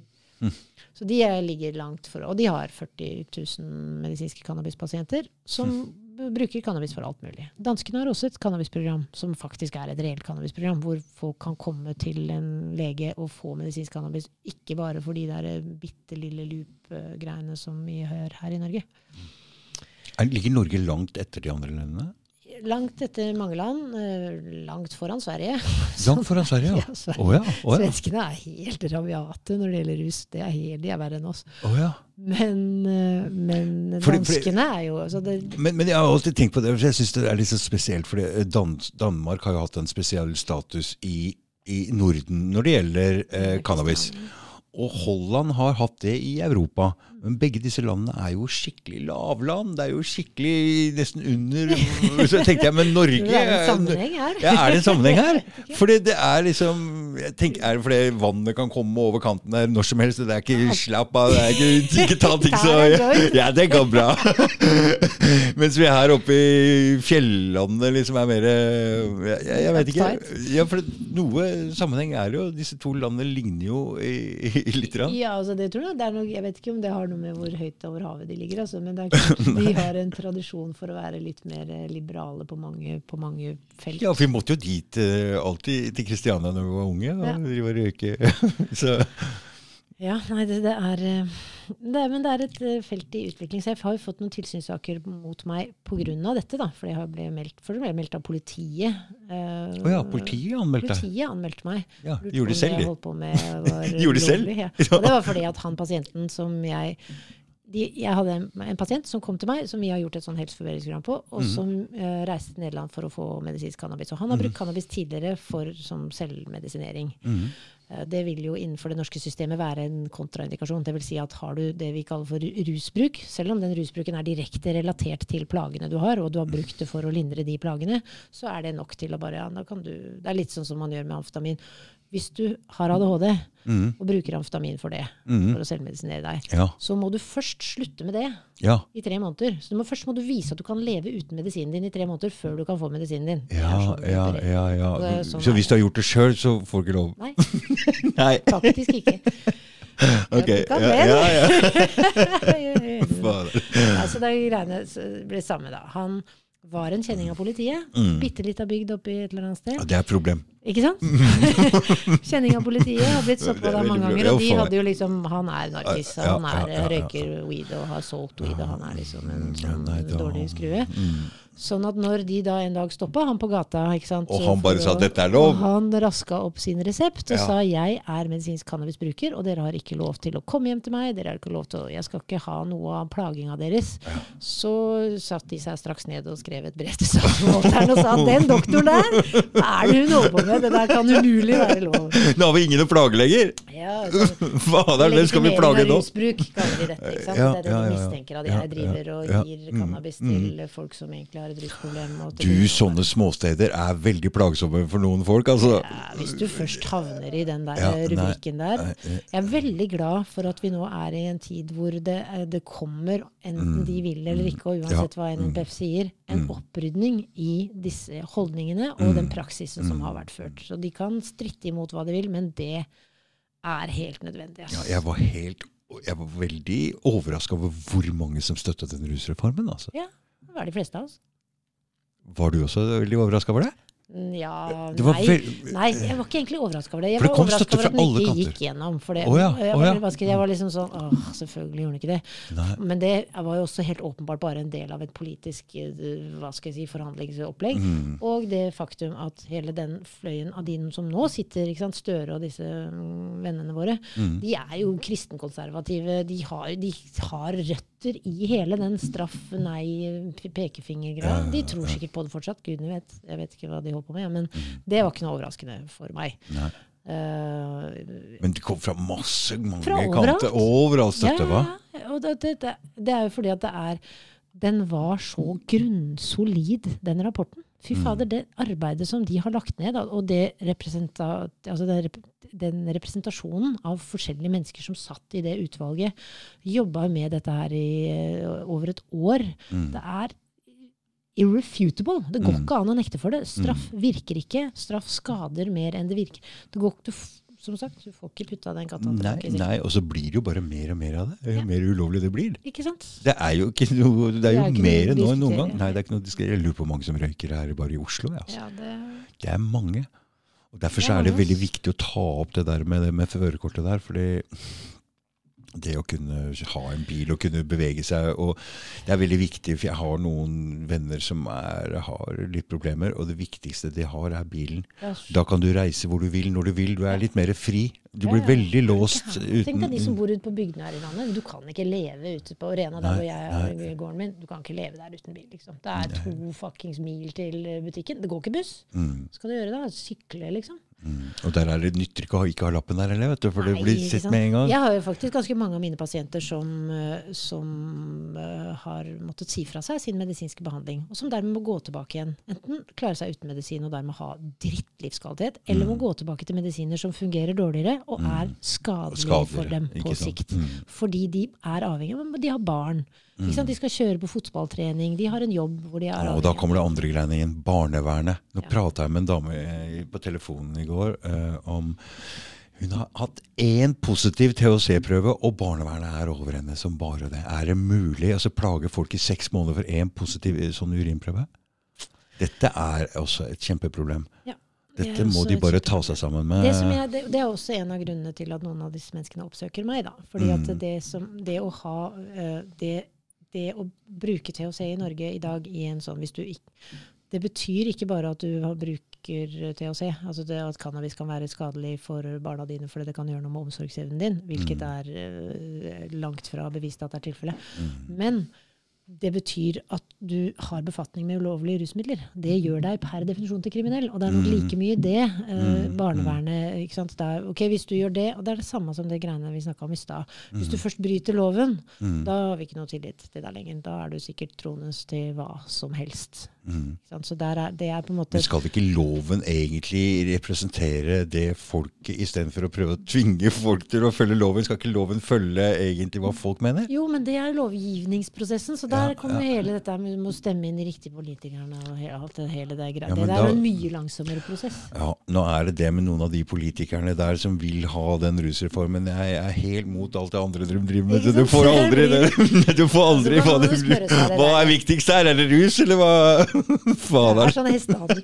Og det, det er jo et annet spørsmål. Liksom. Hvor, hvor mye er det egentlig av et demokrati vi lever i? Det rep Mm. såkalte representative demokratiet. Hvor, hvor mye reflekterer det egentlig folkets vilje? Det, det syns jeg er Nei, Vi har jo hatt to folkeavstemninger her i Norge, og vi har jo sagt nei til EU begge gangene, men det hjalp ikke mye. Nei. Vi er med!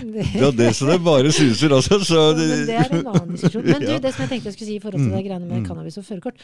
Det som jeg tror kommer til å være nødt til å skje på et eller annet tidspunkt, det er at noen får en sånn eh, cannabis-førerkortsak opp i Høyesterett. Du, jeg veit om Og- noen som driver og skal inn i saken med deg, og hun Ja. nekter. Ja, ikke sant? Og så Den må må, man hente inn eh, eksperter. Det som er på en måte regjerende på dette feltet her i dag, det er um, vår gode venn uh, Mørland. Jeg vet ikke om du vet hvem han er? ja. Nei, nei, nei. Er, eh, han som brukes som sånn uh, sakkyndig i alle disse Er han professor sakene. eller sånn Ja, rusprofessor? ikke, ja, ruspsykiatri. Jeg husker faktisk ikke. Mm. Veldig søt mann. Mm. Men um, han har uh, Så vi trenger en prinsippsak altså det ta helt i Høyesterett med den det vi trenger er en som For han er nemlig liksom den som er på en måte øh, det offisielle sin stemme i dette. Og han påstår Han sier dette i et sånt foredrag han holdt for to år siden, og det er en sånn greie som driver og kommer opp igjen opp igjen. Opp igjen. Mhm. At man, hvis man er kronisk bruker av cannabis, Mhm. så er man fremdeles påvirka, og det mener jeg i lovens forstand i forhold til bilkjøring, Mhm. to uker etter at man tok sin siste Oh my god, hva er det han prater om?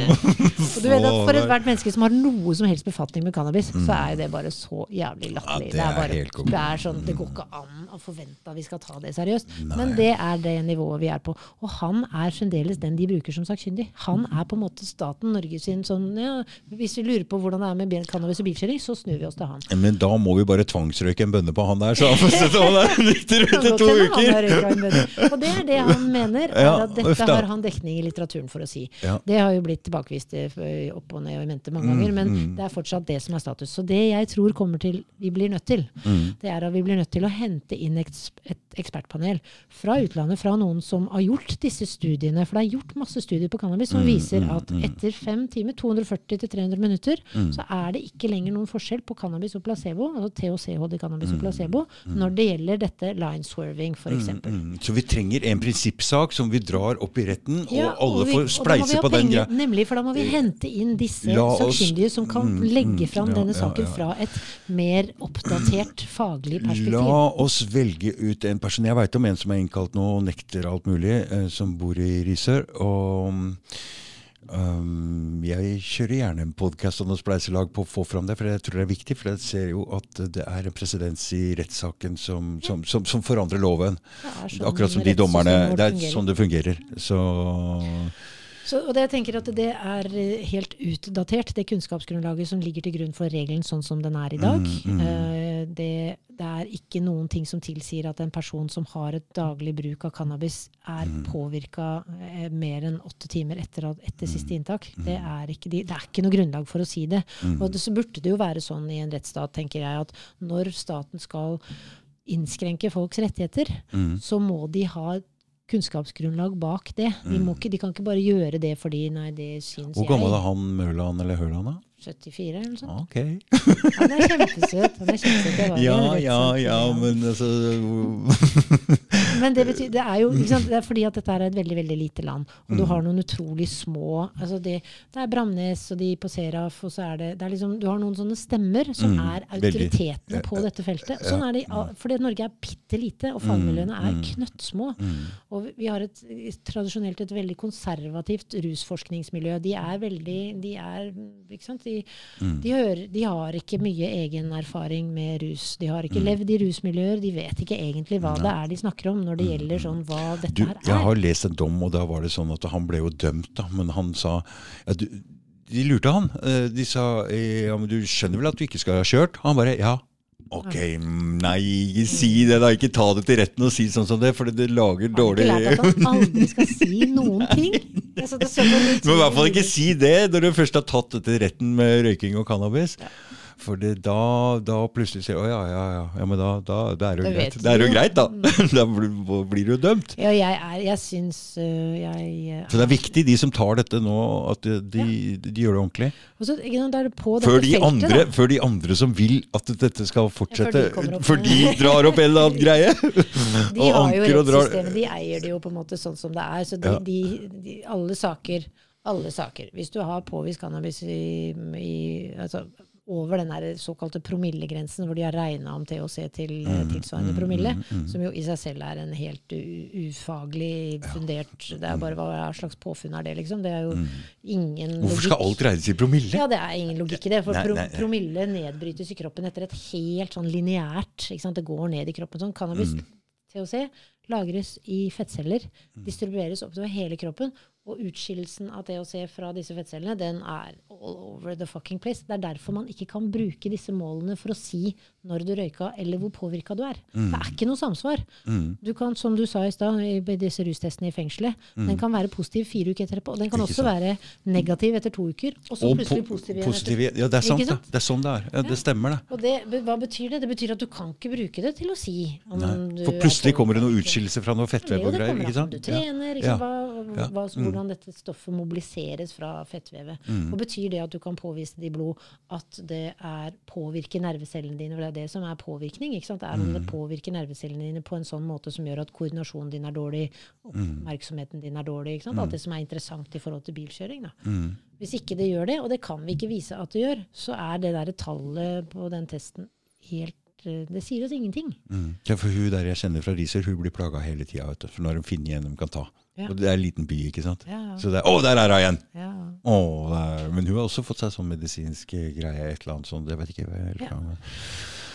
Men, så vi må finne en sånn prinsippsak som vi må støtte opp alt vi kan, og bare ta det oppover i rettssystemet til Ja, for jeg tror at det, er liksom, det er to ting. da. For det første så er det dette med rettssystemet. Og det er sånn her, alle den, De endringene i cannabis lovgivning som har skjedd i de landene som ligger foran oss i løypa, amerikanerne f.eks., og også i Canada, Mm. det er to ting. For det første så har de samla sammen penger og kjørt ting gjennom rettssystemet, Mm. fordi at man må teste det opp mot mer grunnleggende prinsipper. ikke sant? Mm. Menneskerettighetsprinsipper, eh, prinsipp om likeverdig behandling, at du kan ikke diskriminere mellom alkoholbrukere f.eks. og Mm. cannabisbrukere. Du, du sier ikke til folk som drikker alkohol fra torsdag til søndag, at de ikke kan kjøre bil på tirsdag, eller at de er mangel på edruelighet, hvis Mm. de aldri har kjørt bil i ruspåvirka tilstand. Hvorfor får man lov til å gjøre det med cannabisbrukere? Det er rein diskriminering.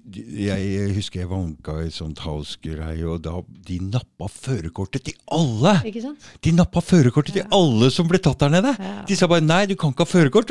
Ja, Men jeg veit hvorfor de gjorde det. For det er vel de etterpå de lo, sånn, vil, du ha- førerkort, eller? Har du noe å fortelle oss? Hvor viktig er dette førerkortet for egentlig? Det var luringer. som folk som hadde førerkort. Jøss, har du er førerkort?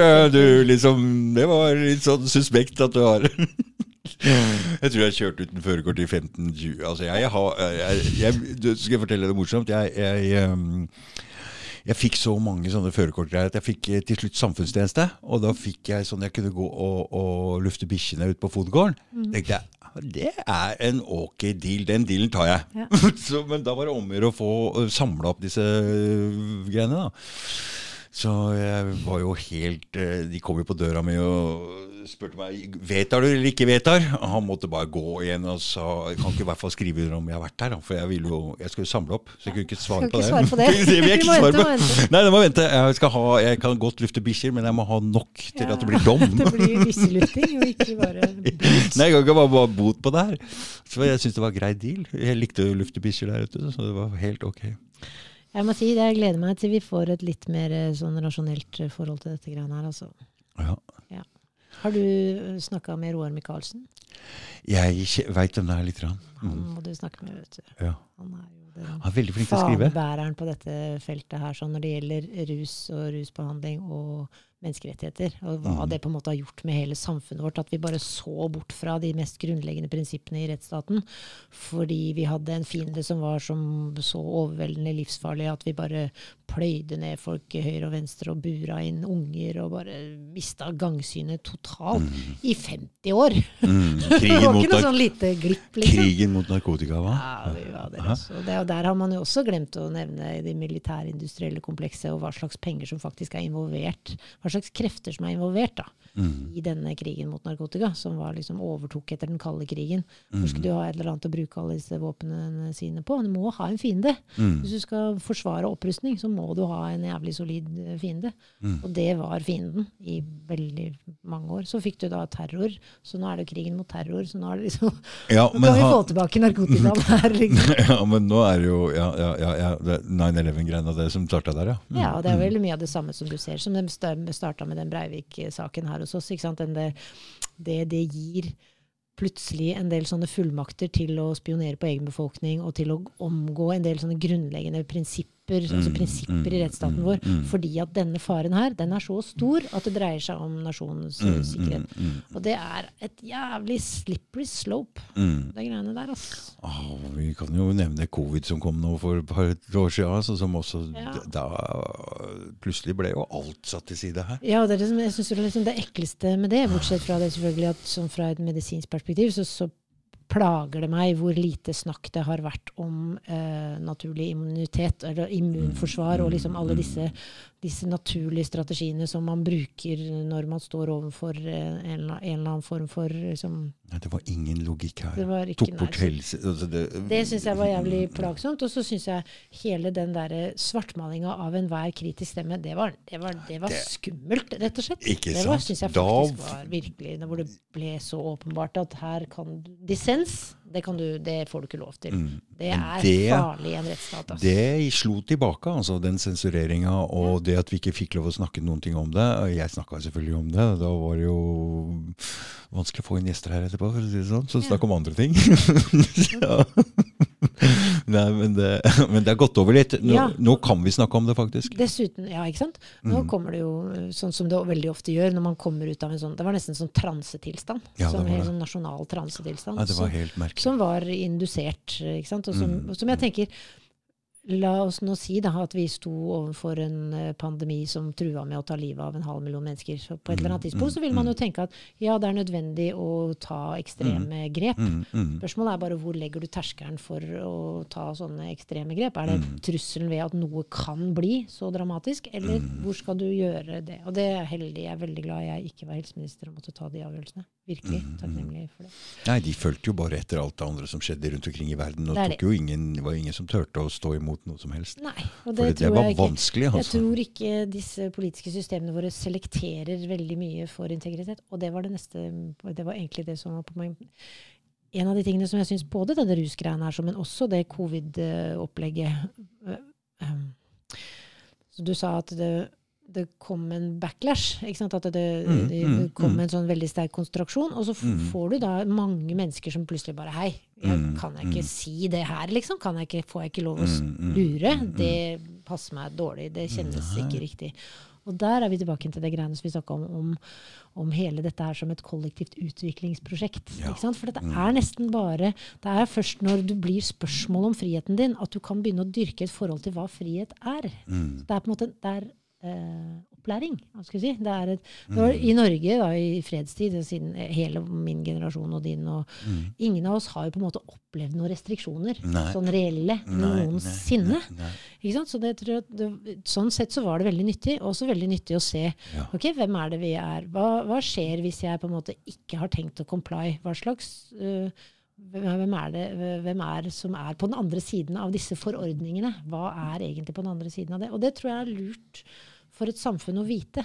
Mm. Det er alle mennesker som har vært involvert i Du, rus. jeg er jo ikke redd for å bli putta i fengsel, så jeg tenkte hvis de Jeg tar gjerne den samvittighetsgreia der. Den går jeg gjerne i fengsel for. Det Ja. er ikke å være stolt. Yes! Not Ja, comply. det har jo alltid Ja, vært sånn. ja, ja, Men jeg tror at det, det er en annen erfaring som, som vanlige streite mennesker i Norge eh, ikke sant? De har en opplevelse av politiet som eh, en gruppe, altså en institusjon i samfunnet som er til for å holde oss alle sammen trygge. Mm. Du skal ikke ha vært veldig langt ned i en eller annen av de alternative veiene, f.eks. hasjrøyking eller noe sånt, Mm. før du har motsatt, møtt på en Du, jeg, helt annen side Jeg kjenner det ennå jeg, når jeg ser en politiboll. Jeg bare tenker ja, men jeg har ikke gjort noe gærent. Ja, Hva sant? Det? Ja. Altså, de, de, de kidsa som vi er liksom vokst opp med, altså unge, unge, unge vokst opp med, de var jo taggere ikke sant? Mm, når jeg var mm, liksom ung mm, voksen. Og eh, det, var, det var ikke rus, men veldig mye av det samme. Mm, liksom samme sånn, Hvor du på en måte møter på politiet som den t- terror, terroristen som den er, hvis Mm. du defineres som et eller annet. De har jo, og det, Vi diskuterer det her i så liten grad. De har maktmonopol. vet du hva det betyr? De kan drepe deg with impunity. Og vi har liksom helt sånn, vi bare forholder oss ikke til det som Mm. samfunn. Vi har liksom eksternalisert all vold, og vi er veldig sånn snille og ikke-voldelige folk. Mm. Det betyr ikke at ikke vold eksisterer. Og de, det er fremdeles mennesker der ute, og i mange tilfeller barn, som utsettes for eh, sånn eh, maktbruk, da. Mm. Som, Mm. som vi som er streitinger, slipper å forholde oss til at fins. Og som det er veldig lett å si ja, men hvis de ikke hadde gjort noe gærent, så hadde de ikke møtt på brutalitet, liksom. Som er en grov forenkling. Jeg er helt enig med deg.